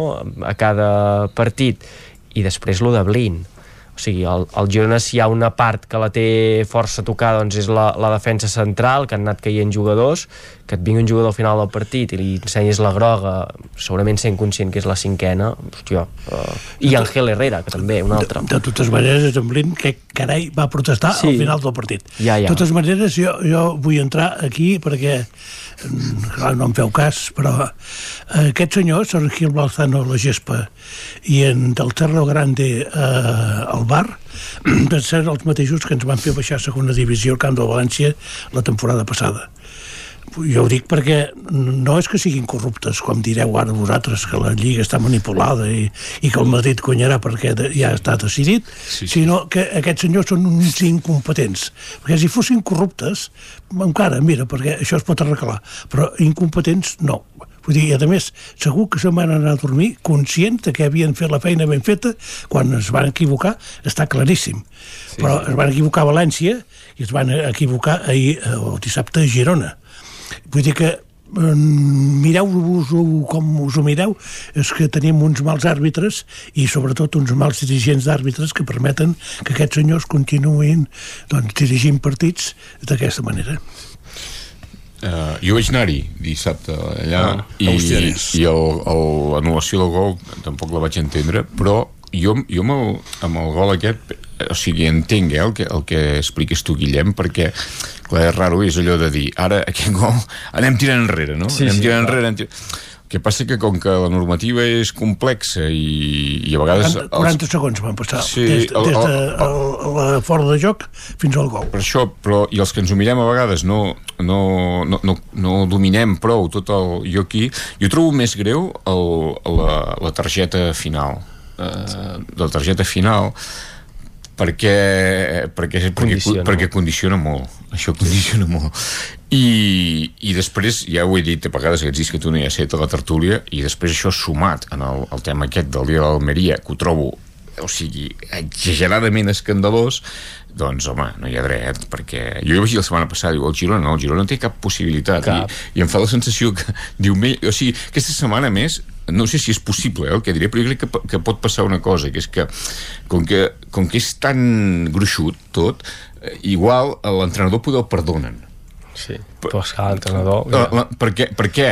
Perquè l'entrenador no fa gols, no rematarà de Exacte. cap l'entrenador. Llavors, dir, perquè no sembli tant, de dir, bueno, perdonem a l'entrenador Sí, sí, ja, ja els hi hem fet un favor, doncs clar, vas allà amb, amb, la, amb, la, amb la defensa descomposta. A mi, sí, sí. ahir li deia a, a uns amics, dic, em fa la impressió, saps aquells, aquells caçadors que van a caçar la perdiu però resulta que són perdius de granja i les engeguen, o sigui, agafen les perdius, engeguen les perdius i, i llavors... No, no, i, no es mouen gaire. I llavors no? disparen. El, el Girona és, és, són les perdius, de dir, van, sí, sí. van a jugar al camp del Madrid. Com que van a jugar al camp del Madrid? Sí, sí. Però si ho han preparat tot perquè la cosa acabi com ha d'acabar. Sí. Va, home, va. A- Aquests dies hi ha, hi ha un, un patrocinador del Girona, que és una empresa de telecomunic telecomunicacions Parlem. que per, ah, vale. Parlem, ja ho ha dit el presentador del programa que en el seu anunci eh, fa com un discurs així abrandat i va dient frases ens van dir que no tindríem res a fer-hi eh, eh, en el marc de la grandiloquència d'una primera divisió eh, i van sortint allà com vulguem dir ostres, doncs sí que hem, hem, hem, ens hem ficat aquí al mig i jo penso, no, no no hi teniu res a fer-hi. Vull dir, aquest, aquest, aquest anunci realment eh, està equivocat en aquest sentit perquè ara s'està veient que no hi teniu res a fer-hi. Vull dir, a, a la que el Girona s'ha ficat allà a mig competir, que ja hauria sigut molt complicat, eh? A mig competir, eh, llavors hi ha tots aquests altres factors que ho fan eh, però, impossible. Però és que el tema aquest de les protestes, i en Lluís té més memòria, que passa en Lluís no, no vol acceptar-ho, això, perquè és, una mica, és de l'Espanyol i una mica del Madrid. Quan jo critico el Madrid em diu, canvies el to de veu, jo els hi tens ràbia en els del tant, Madrid. No, no, però, per exemple, hi ha, hi ha unes imatges que jo les tinc que de dir, quan acaben els partits, tu et sona alguna vegada, per exemple, en Fernando Hierro anar, anar a protestar amb l'àrbit un cop acabat el partit? O, eh, I molts jugadors que han però, anat a... però és, és, és que Perdona, era, era, Agustí, era brutal. I, i és, és i, i mai res. I aquest en anglès va allà a dir-li de dir per què dos minuts? I aquí la tens? I vam dir au. I, i què més? És que Perdona, és, és, aquella, ahir, però és ahir, un tema perdona, crec, Agustí, Agustí, ahir el, el, els jugadors del Llevant van veure dues targetes grogues una vegada es va acabar el partit Mm. perquè van anar a protestar l'àrbitre Vull dir que, esclar, no, no diguis això. O sigui, Sí, que hi ha no. vegades que l'àrbitre ensenya targeta i, ha- i d'altres que no. Però que jugadors que van a protestar al final del partit i els hi ensenyen targetes, Sí, sí. n'hi ha infinits però de és, que, casos. però és que em dones la raó, estem d'acord. Et dic el mateix. Però, et dic, quan no passa és amb el Madrid. Em dones la raó. Els del Llevant sí, i els del Girona també. Però, però en Fernando Hierro no. És que em dones la raó. Jo dic això. Em diu, els del Llevant, esclar. A més a més, els del Llevant. A més a més, a més a més, a més a més, els del Llevant van blaugrana. Esclar, què t'estranya? Què t'estranya? Si és això, què t'estranya? I em diu, és que els del Llevant també. Oh, esclar que sí, i blaugrana. Home, ara- ara- sisplau, ara ho sí, entenc. estem, estem d'acord al 100%. Ara ho Jo dic que eren. Fernando Hierro i en, i en no sé qui, i en, Només- allà, només només i- recordar i, que- I en Ramos, i en Ramos, allà, va, pam, pam, mai. Ben vermell Home, l'Agustí, eh? Va, exacte. Si estem d'acord al No, no. 100%... Sí, Només recordar que en Chouameni no va poder jugar al derbi eh, per una targeta groga d'una acció de l'altre dia que no, no, és exactament el mateix que no va ser ni falta, que s'havia pitat a un fora de joc que li ha passat a en Guillem ara perquè ho miri. Uh, i, i bé en aquest cas vosaltres us queixeu que hi va haver dos jugadors al final del partit del Girona que van anar a protestar. Bé, és el que té l'acumulació de targetes. Si en tens quatre no vagis a protestar. En Chouameni l'altre dia per una groga que se la van inventar, doncs no va poder jugar al derbi. Que ens aniria anat bé tenir un tio allà darrere alt per exemple, per, per parar l'empat a un doncs ens hagués anat perfecte. Però el Madrid, eh, clar, això de donar les culpes al Madrid, perquè per ara només estem parlant de si els àrbits, de si el Madrid tot és culpa del Madrid, no. o sigui, els altres no fan les coses malament, el Madrid va fer un gran partit ahir, ahir podria haver guanyat perfectament 3 o 4 a 0 i no, i no, i no va poder doncs perquè no va, no, va, no va ser definitiu en els metres finals no? No, no, no va ser tan decisiu com altres dies però ostres, és que, és que cada setmana estem el mateix, eh? Una, unes persones que han pagat el vicepresident del comitè tècnic dels àrbits durant 20 anys, eh? Bueno. El Barça, eh? Feu-vos-ho mirar, per l'amor de Déu, eh? Ostres, és que de veritat cada, cada setmana estem igual, que si el Madrid roba, que si no sé què el Madrid també li roben cada setmana Ui, els sí. partits No, no, no, no. El Madrid, ostres el, el Madrid cada jo crec que, setmana. que ja té prou plantilla com per competir i lluitar per aquesta lliga sense tot aquest caldo que s'està generant al, al seu voltant, que sobretot afecta els, els competidors. És evident que el Barça no ha fet una bona temporada i que s'han fet mm. eh, doncs una mica mal, mal ells mateixos, eh? però per exemple, ara que apareix aquest competidor del, del Girona, ostres, això és jo crec que no s'està deixant eh, competir però de veritat el Girona penseu que és un competidor pel Madrid? Ara, se- ara bueno, seriosament però com a mínim no, a, no ho arribar a, No, o sigui, no, no, jo estic d'acord. no, segur que no, que és el convidat sorpresa, però mm, tot i això, ostres, arribar al, al Bernabéu amb No. un escenari de que el Girona hagués guanyat aquest cap de setmana i el Madrid, eh, ah, com va empatar, hagués empatat, ostres, jo crec que l'escenari també hagués sigut molt canviant. I, i, i, i Blin Home, va anar, va anar, sí que va anar a queixar-se l'àrbitre, però és una mica el que deia l'Agustí. Blin no crec que anés allà i li digués eh, el nom del porc i no sé quants insults més amb l'entrenador, perquè Blin, si hi ha un tio calmat uh, que jo crec que no domina massa l'idioma uh, espanyol Sí, però ja ja és s'aprenen Blin. coses, eh? Sí, però jo crec que eh, li van allà a recriminar l'afegit. Si hi ha un àrbitre xulo i prepotent, aquest Sí, es diu sí. Gil Manzano. O sigui, no hi vagis allà a protestar amb un És ho han de personatge els jugadors. És que de ja ho els jugadors, no fotem. Sí. I és que ja ho saps que t'ho farà. És que, Però- és que no ho entenc. I, a més, molt bé, una vegada acabat el partit, que ja no hi tens res a fer-hi. Vull dir que no, no canviaràs res. Vull dir, no, no, no... Hi, ha, hi ha coses que no... Les, les targetes per protestar les entenc eh, poc sempre. Mm -hmm. entre altres coses perquè jo no he vist mai eh, que un jugador vagi a protestar i l'àrbitre canvi de decisió això, això no ho he vist mai ni amb el Madrid, eh? No, però ni amb canviar, el Madrid, no, no, no, eh? però canviar de decisió sí, sí que ho fan, perquè ha passat amb el Madrid, amb la intervenció del VAR, ha passat aquests últims dies diverses vegades, diguem, no? El dia No, de l'Almeria, però- el gol con el, però el el el hombro, li va fotre amb el bíceps. El, el, bar no, el, bar no, el bar no actua per les protestes. No, però... El bar no, no, no, no, no, fotem. però, però, però, però, Estem parlant de protestar. Els però àrbitres condicionen, condicionen. no condicionen de res, perquè el, el, el bar... Les protestes condicionen. Ja, Condicionen. Bueno, i, I sobretot, si s'ha acabat el partit, condiciona moltíssim. No, no, exacte. Perquè, és clar, no jugues al Bernabéu. I tant com condicionen. Sí, sí, condicionen el teu equip, llavors. La targeta aquesta de Blin és el que diem, eh? Segurament si el que hagués anat a protestar allà hagués sigut uh, Sergio Ramos... Això són eh, hipòtesis. No, hipòtesis no. Hipòtesis de l'Agustí. Sergio Ramos... No, això és la realitat. Sergio Ramos... El Fernando Hierro, tu havies el, vist... el Barça excursions a fora no juga mai de Balograna i li ensenyen targetes igual. No. Vull dir que ja està. I el, però hi ha coses... Jo no, jo no tinc aquest tema de, dels àrbitres. Jo veig, per exemple, l'expulsió aquesta del Vitor Roque, que no és expulsió, però allà vist en directe, a tu t'ho pot, Pot semblar. semblar. Jo crec que amb això no hi ha, no hi ha res a dir aquestes coses, vull dir que no és un tema de dir, van, bueno, és un concepte, i, i potser ni de justícia, però, però hi ha qüestions de l'autoritat mal entesa, tal, que sempre, eh, diguem, es tomben pel, pel mateix cantó, i això és així, i ja està. L'únic avantatge, és avantatge, un fet, diguem, és que això a Europa ja no passa no passarà. A Europa no passarà. El Madrid a Europa, tot aquest joc que, que fan aquí amb els àrbits i tal, no, no, no, no podran fer-ho. Ja ho havien fet però ara no podran fer-ho. Uh -huh. bueno, la Lliga, la Lliga la guanyaran se- segur, seguríssim, a més a més. Sí, sí. El Girona, mentre ha fet gràcia, doncs, bueno, ha pogut anar jugant i hi ha hagut un moment doncs, que s'ha acabat el cuento i ja està, i això acabarà així vull dir. El, el, el Girona acabarà abans, abans del Barça? no, anirà molt igualat no sé, jo crec que el Barça té, eh, segurament no li passarà al davant en el Girona L'efecte de renúncia de Xavi està fent efecte o no? Ara comença el, el Barça a competir finalment o... Ostres, bueno, crec que encara és molt d'hora, no? En el sentit que ha passat molt, molt temps i que tampoc hi ha hagut partits en què puguis dir que ha sigut un, un, una sacsejada en el, en el vestidor. Jo crec que això es veurà ara quan vingui la Champions, si a la Lliga doncs, es comencen a encadenar uh, victòries. Jo, lo de Xavi, aquí suposo que ja ho devíeu comentar, jo no ho vaig acabar d'entendre, això de dir me'n vaig però el 30 de juny perquè, ostres, jo la provisionalitat mai l'he entesa com una cosa positiva per fer funcionar un equip, un grup de persones, eh, és Ja qualsevol la, cosa. ja ho va dir la porta.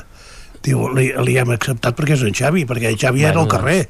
I llavors ell, va dir, no, deixa'm acabar el 30 de juny. Doncs va, acaba el 30 de juny. perquè aquestes coses també tenen un problema, que et, se't pot desconnectar la plantilla, però també pot sonar la flauta i que l'equip eh, carburi i acabis, doncs, hòstia, amb molt bones sensacions, que arribis a, a unes semifinals de la Champions per el motiu que sigui. Què llavors? Què hem de fer? Hòstia, una cosa que ara al final resulta que sí que doncs, s'ha trobat l'engranatge i Canviaran funciona. d'opinió, o sigui, ja pots Ja, però... La seva opinió, es, es val, perd, val menys. Sí, però no sé, jo, les coses fetes així no... A més, el Barça que sempre havíem parlat no, del projecte, de, que no ens centréssim només amb els resultats.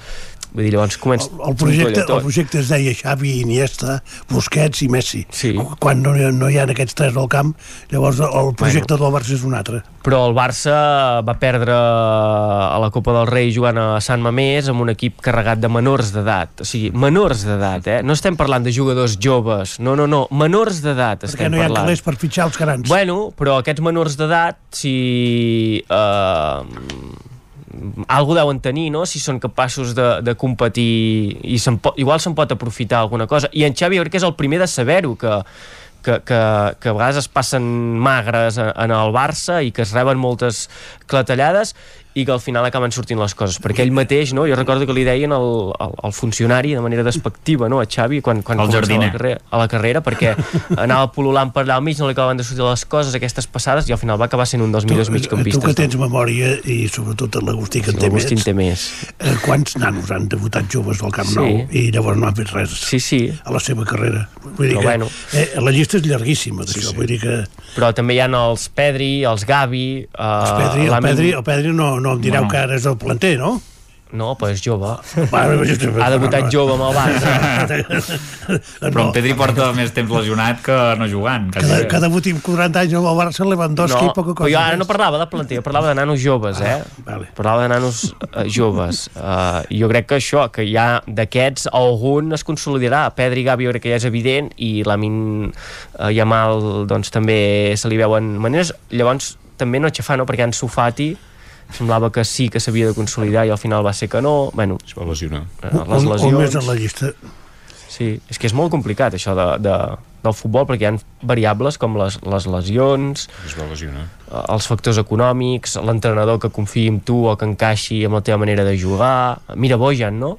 que mm, temes eh, doncs, mentals i fins i tot una mica extraesportius doncs no van deixar ser eh, segurament el, el molt bon jugador que hauria, que hauria acabat, acabat sent. Uh, el futbol, ai, el futbol, els cèntims, eh? Sobretot so- el Sobretot. futbol els cèntims. Lluís, eh, avui Total. també estàs content, eh, que l'Espanyol va sumar 3 punts. ahir. Vas xiular, Lluís, però van xiular. No, jo, la gent el, camp, xiulava. el camp ni... ni La gent xiulava, ni, eh? Sí, i tant. No, no, xiulava i, de, i demanaven divisions i eh, estava tothom molt emprenyat. Però si fa El un que mes i mig que... que- deia aquest entrenador. Jo, no, sí, però és, mm, no. O sigui, en, po- pot portar 15 dies o 15 anys, però si no se'n sap, no se'n sap, ja està. Vull dir que fora.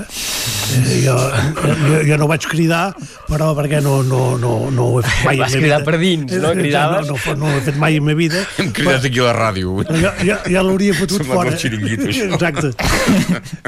Jo l'hauria fotut fora. Vull dir, que ja, ja, ja no, ara, després del partit, eh, després de guanyar. Perquè el partit va ser horrible, eh, ens van perdonar un penal, i llavors un altre que sí, aquest sí que el, el de favor ho era, però l'altre doncs podia haver, haver xiulat penal en contra i no ho sé, potser no, no n'hauria alegrat perquè si perdem el partit fan fora l'entrenador i aviam si en ve un altre que en sap més Tampoc està lluny l'Espanyol, al final està, No, no. estar a un punt o dos del, de l'ascens directe, que, que, és, que és la, part interessant, vull dir que... És, és l'única que, és l'única que interessa, vull dir que res més. O sigui que ens avorriríem a segona, ja ho, ja ho sabíem, però que ho faríem tan malament, no. Ara això sí, això que, que deies de, del jovent, però nosaltres teníem sis jugadors del planter Sí, sí, el, a l'alineació titular de, del partit d'ahir. Per tant, des d'aquest punt de vista, mm, correcte. Eh, De totes maneres, eh, la cosa ha de millorar i també sabem que eh, el futbol el que necessita és un bon estat d'ànim i els jugadors no el tenen. L'ambient tampoc hi, hi ajuda, però tampoc els resultats i tampoc l'entrenador que no ha, no ha sabut donar-los la confiança que necessiten. I això de, de l'Edu Expósito és terrible, no?, també, el jugador aquest, que no, es, es va fitxar com un fitxatge estrella, ja en el seu moment, la lesió, la primera lesió, ara tornava, semblava que tornava doncs, a carburar i, hosti, un altre cop. I creuats, vull dir que fins, fins, fins a l'octubre no, no hi serà. Bé, això sí que forma part del futbol. Això, sí, sí. Amb això sí que hi has de comptar. Però eh, jo, el que em sap greu doncs, és el mal espectacle que vam veure ahir i ja dic, aviam si els resultats acompanyen i tornem a primera i llavors ja, ja tornem a, a tocar els nassos en els culers i en els, i en els del Madrid i tot això. Què deies, Isaac? Bueno, no, No, el Madrid no gaire. No gaire. Oh, sí, podem, sí. No gaire, no. Home, no, Madrid. Lluís, que ens heu d'ajudar. Aquí, amigos, para Si la cosa va apretada, si la cosa va apretada ens heu El d'ajudar. Madrid no gaire. No, però, mm, tot, tot, tot, tot suma. Nosaltres hem guanyat el Madrid i hem guanyat el Barça a Cornellà. Vull dir que tot, tot, tot, tot han palmat. Sí. Sí, clar. Porteu 10 anys jugant-hi vegades. o 12, clar, algun cop. Han d'haver palmat, perquè si no... I l'altre, malament, vull dir no? que No, eh, clar, vosaltres teniu molt, molts cèntims i nosaltres, no- nosaltres o sigui... El Barça no té cèntims, ara ja. Ara no té res, ja, però eh, fins, camp, fi- fins que... O sigui, mentre guanyàveu en teníeu molts. Sí, sí, sí. Sí. No, no té ni camp, exacte, el Barça. Exacte. Bueno, és, realment és un, en construcció eh, amb sí. el sentit ampli de la Nosaltres podem cobrir per jugar als partits, el Barça no, no té ni camp. No és En seu. fi, com que a Madrid plou, doncs mira, el necessiten cobrir. No tenen problemes de sequera. Va, gràcies, Isaac, Agustí, Lluís, Guillem, i tornem la setmana vinent. Adéu, esportiva. bon dia. Adéu. Adéu. Acaba la tertúlia esportiva i acaba també el territori 17. Us hem acompanyat des de les 9 del matí. Pep Acosta, Enric Rubio, Roger Rams, Isaac Muntades, Guillem Freixa, Guillem Sánchez, Lluís de Planell, Agustí Danés, Clàudia Ignarès, Sergi Vives i Isaac Moreno. El territori 17 hi torna demà a partir de les 9 del matí. Fins aleshores. Molt bon dilluns a tothom i gràcies per ser-hi. Adéu-siau.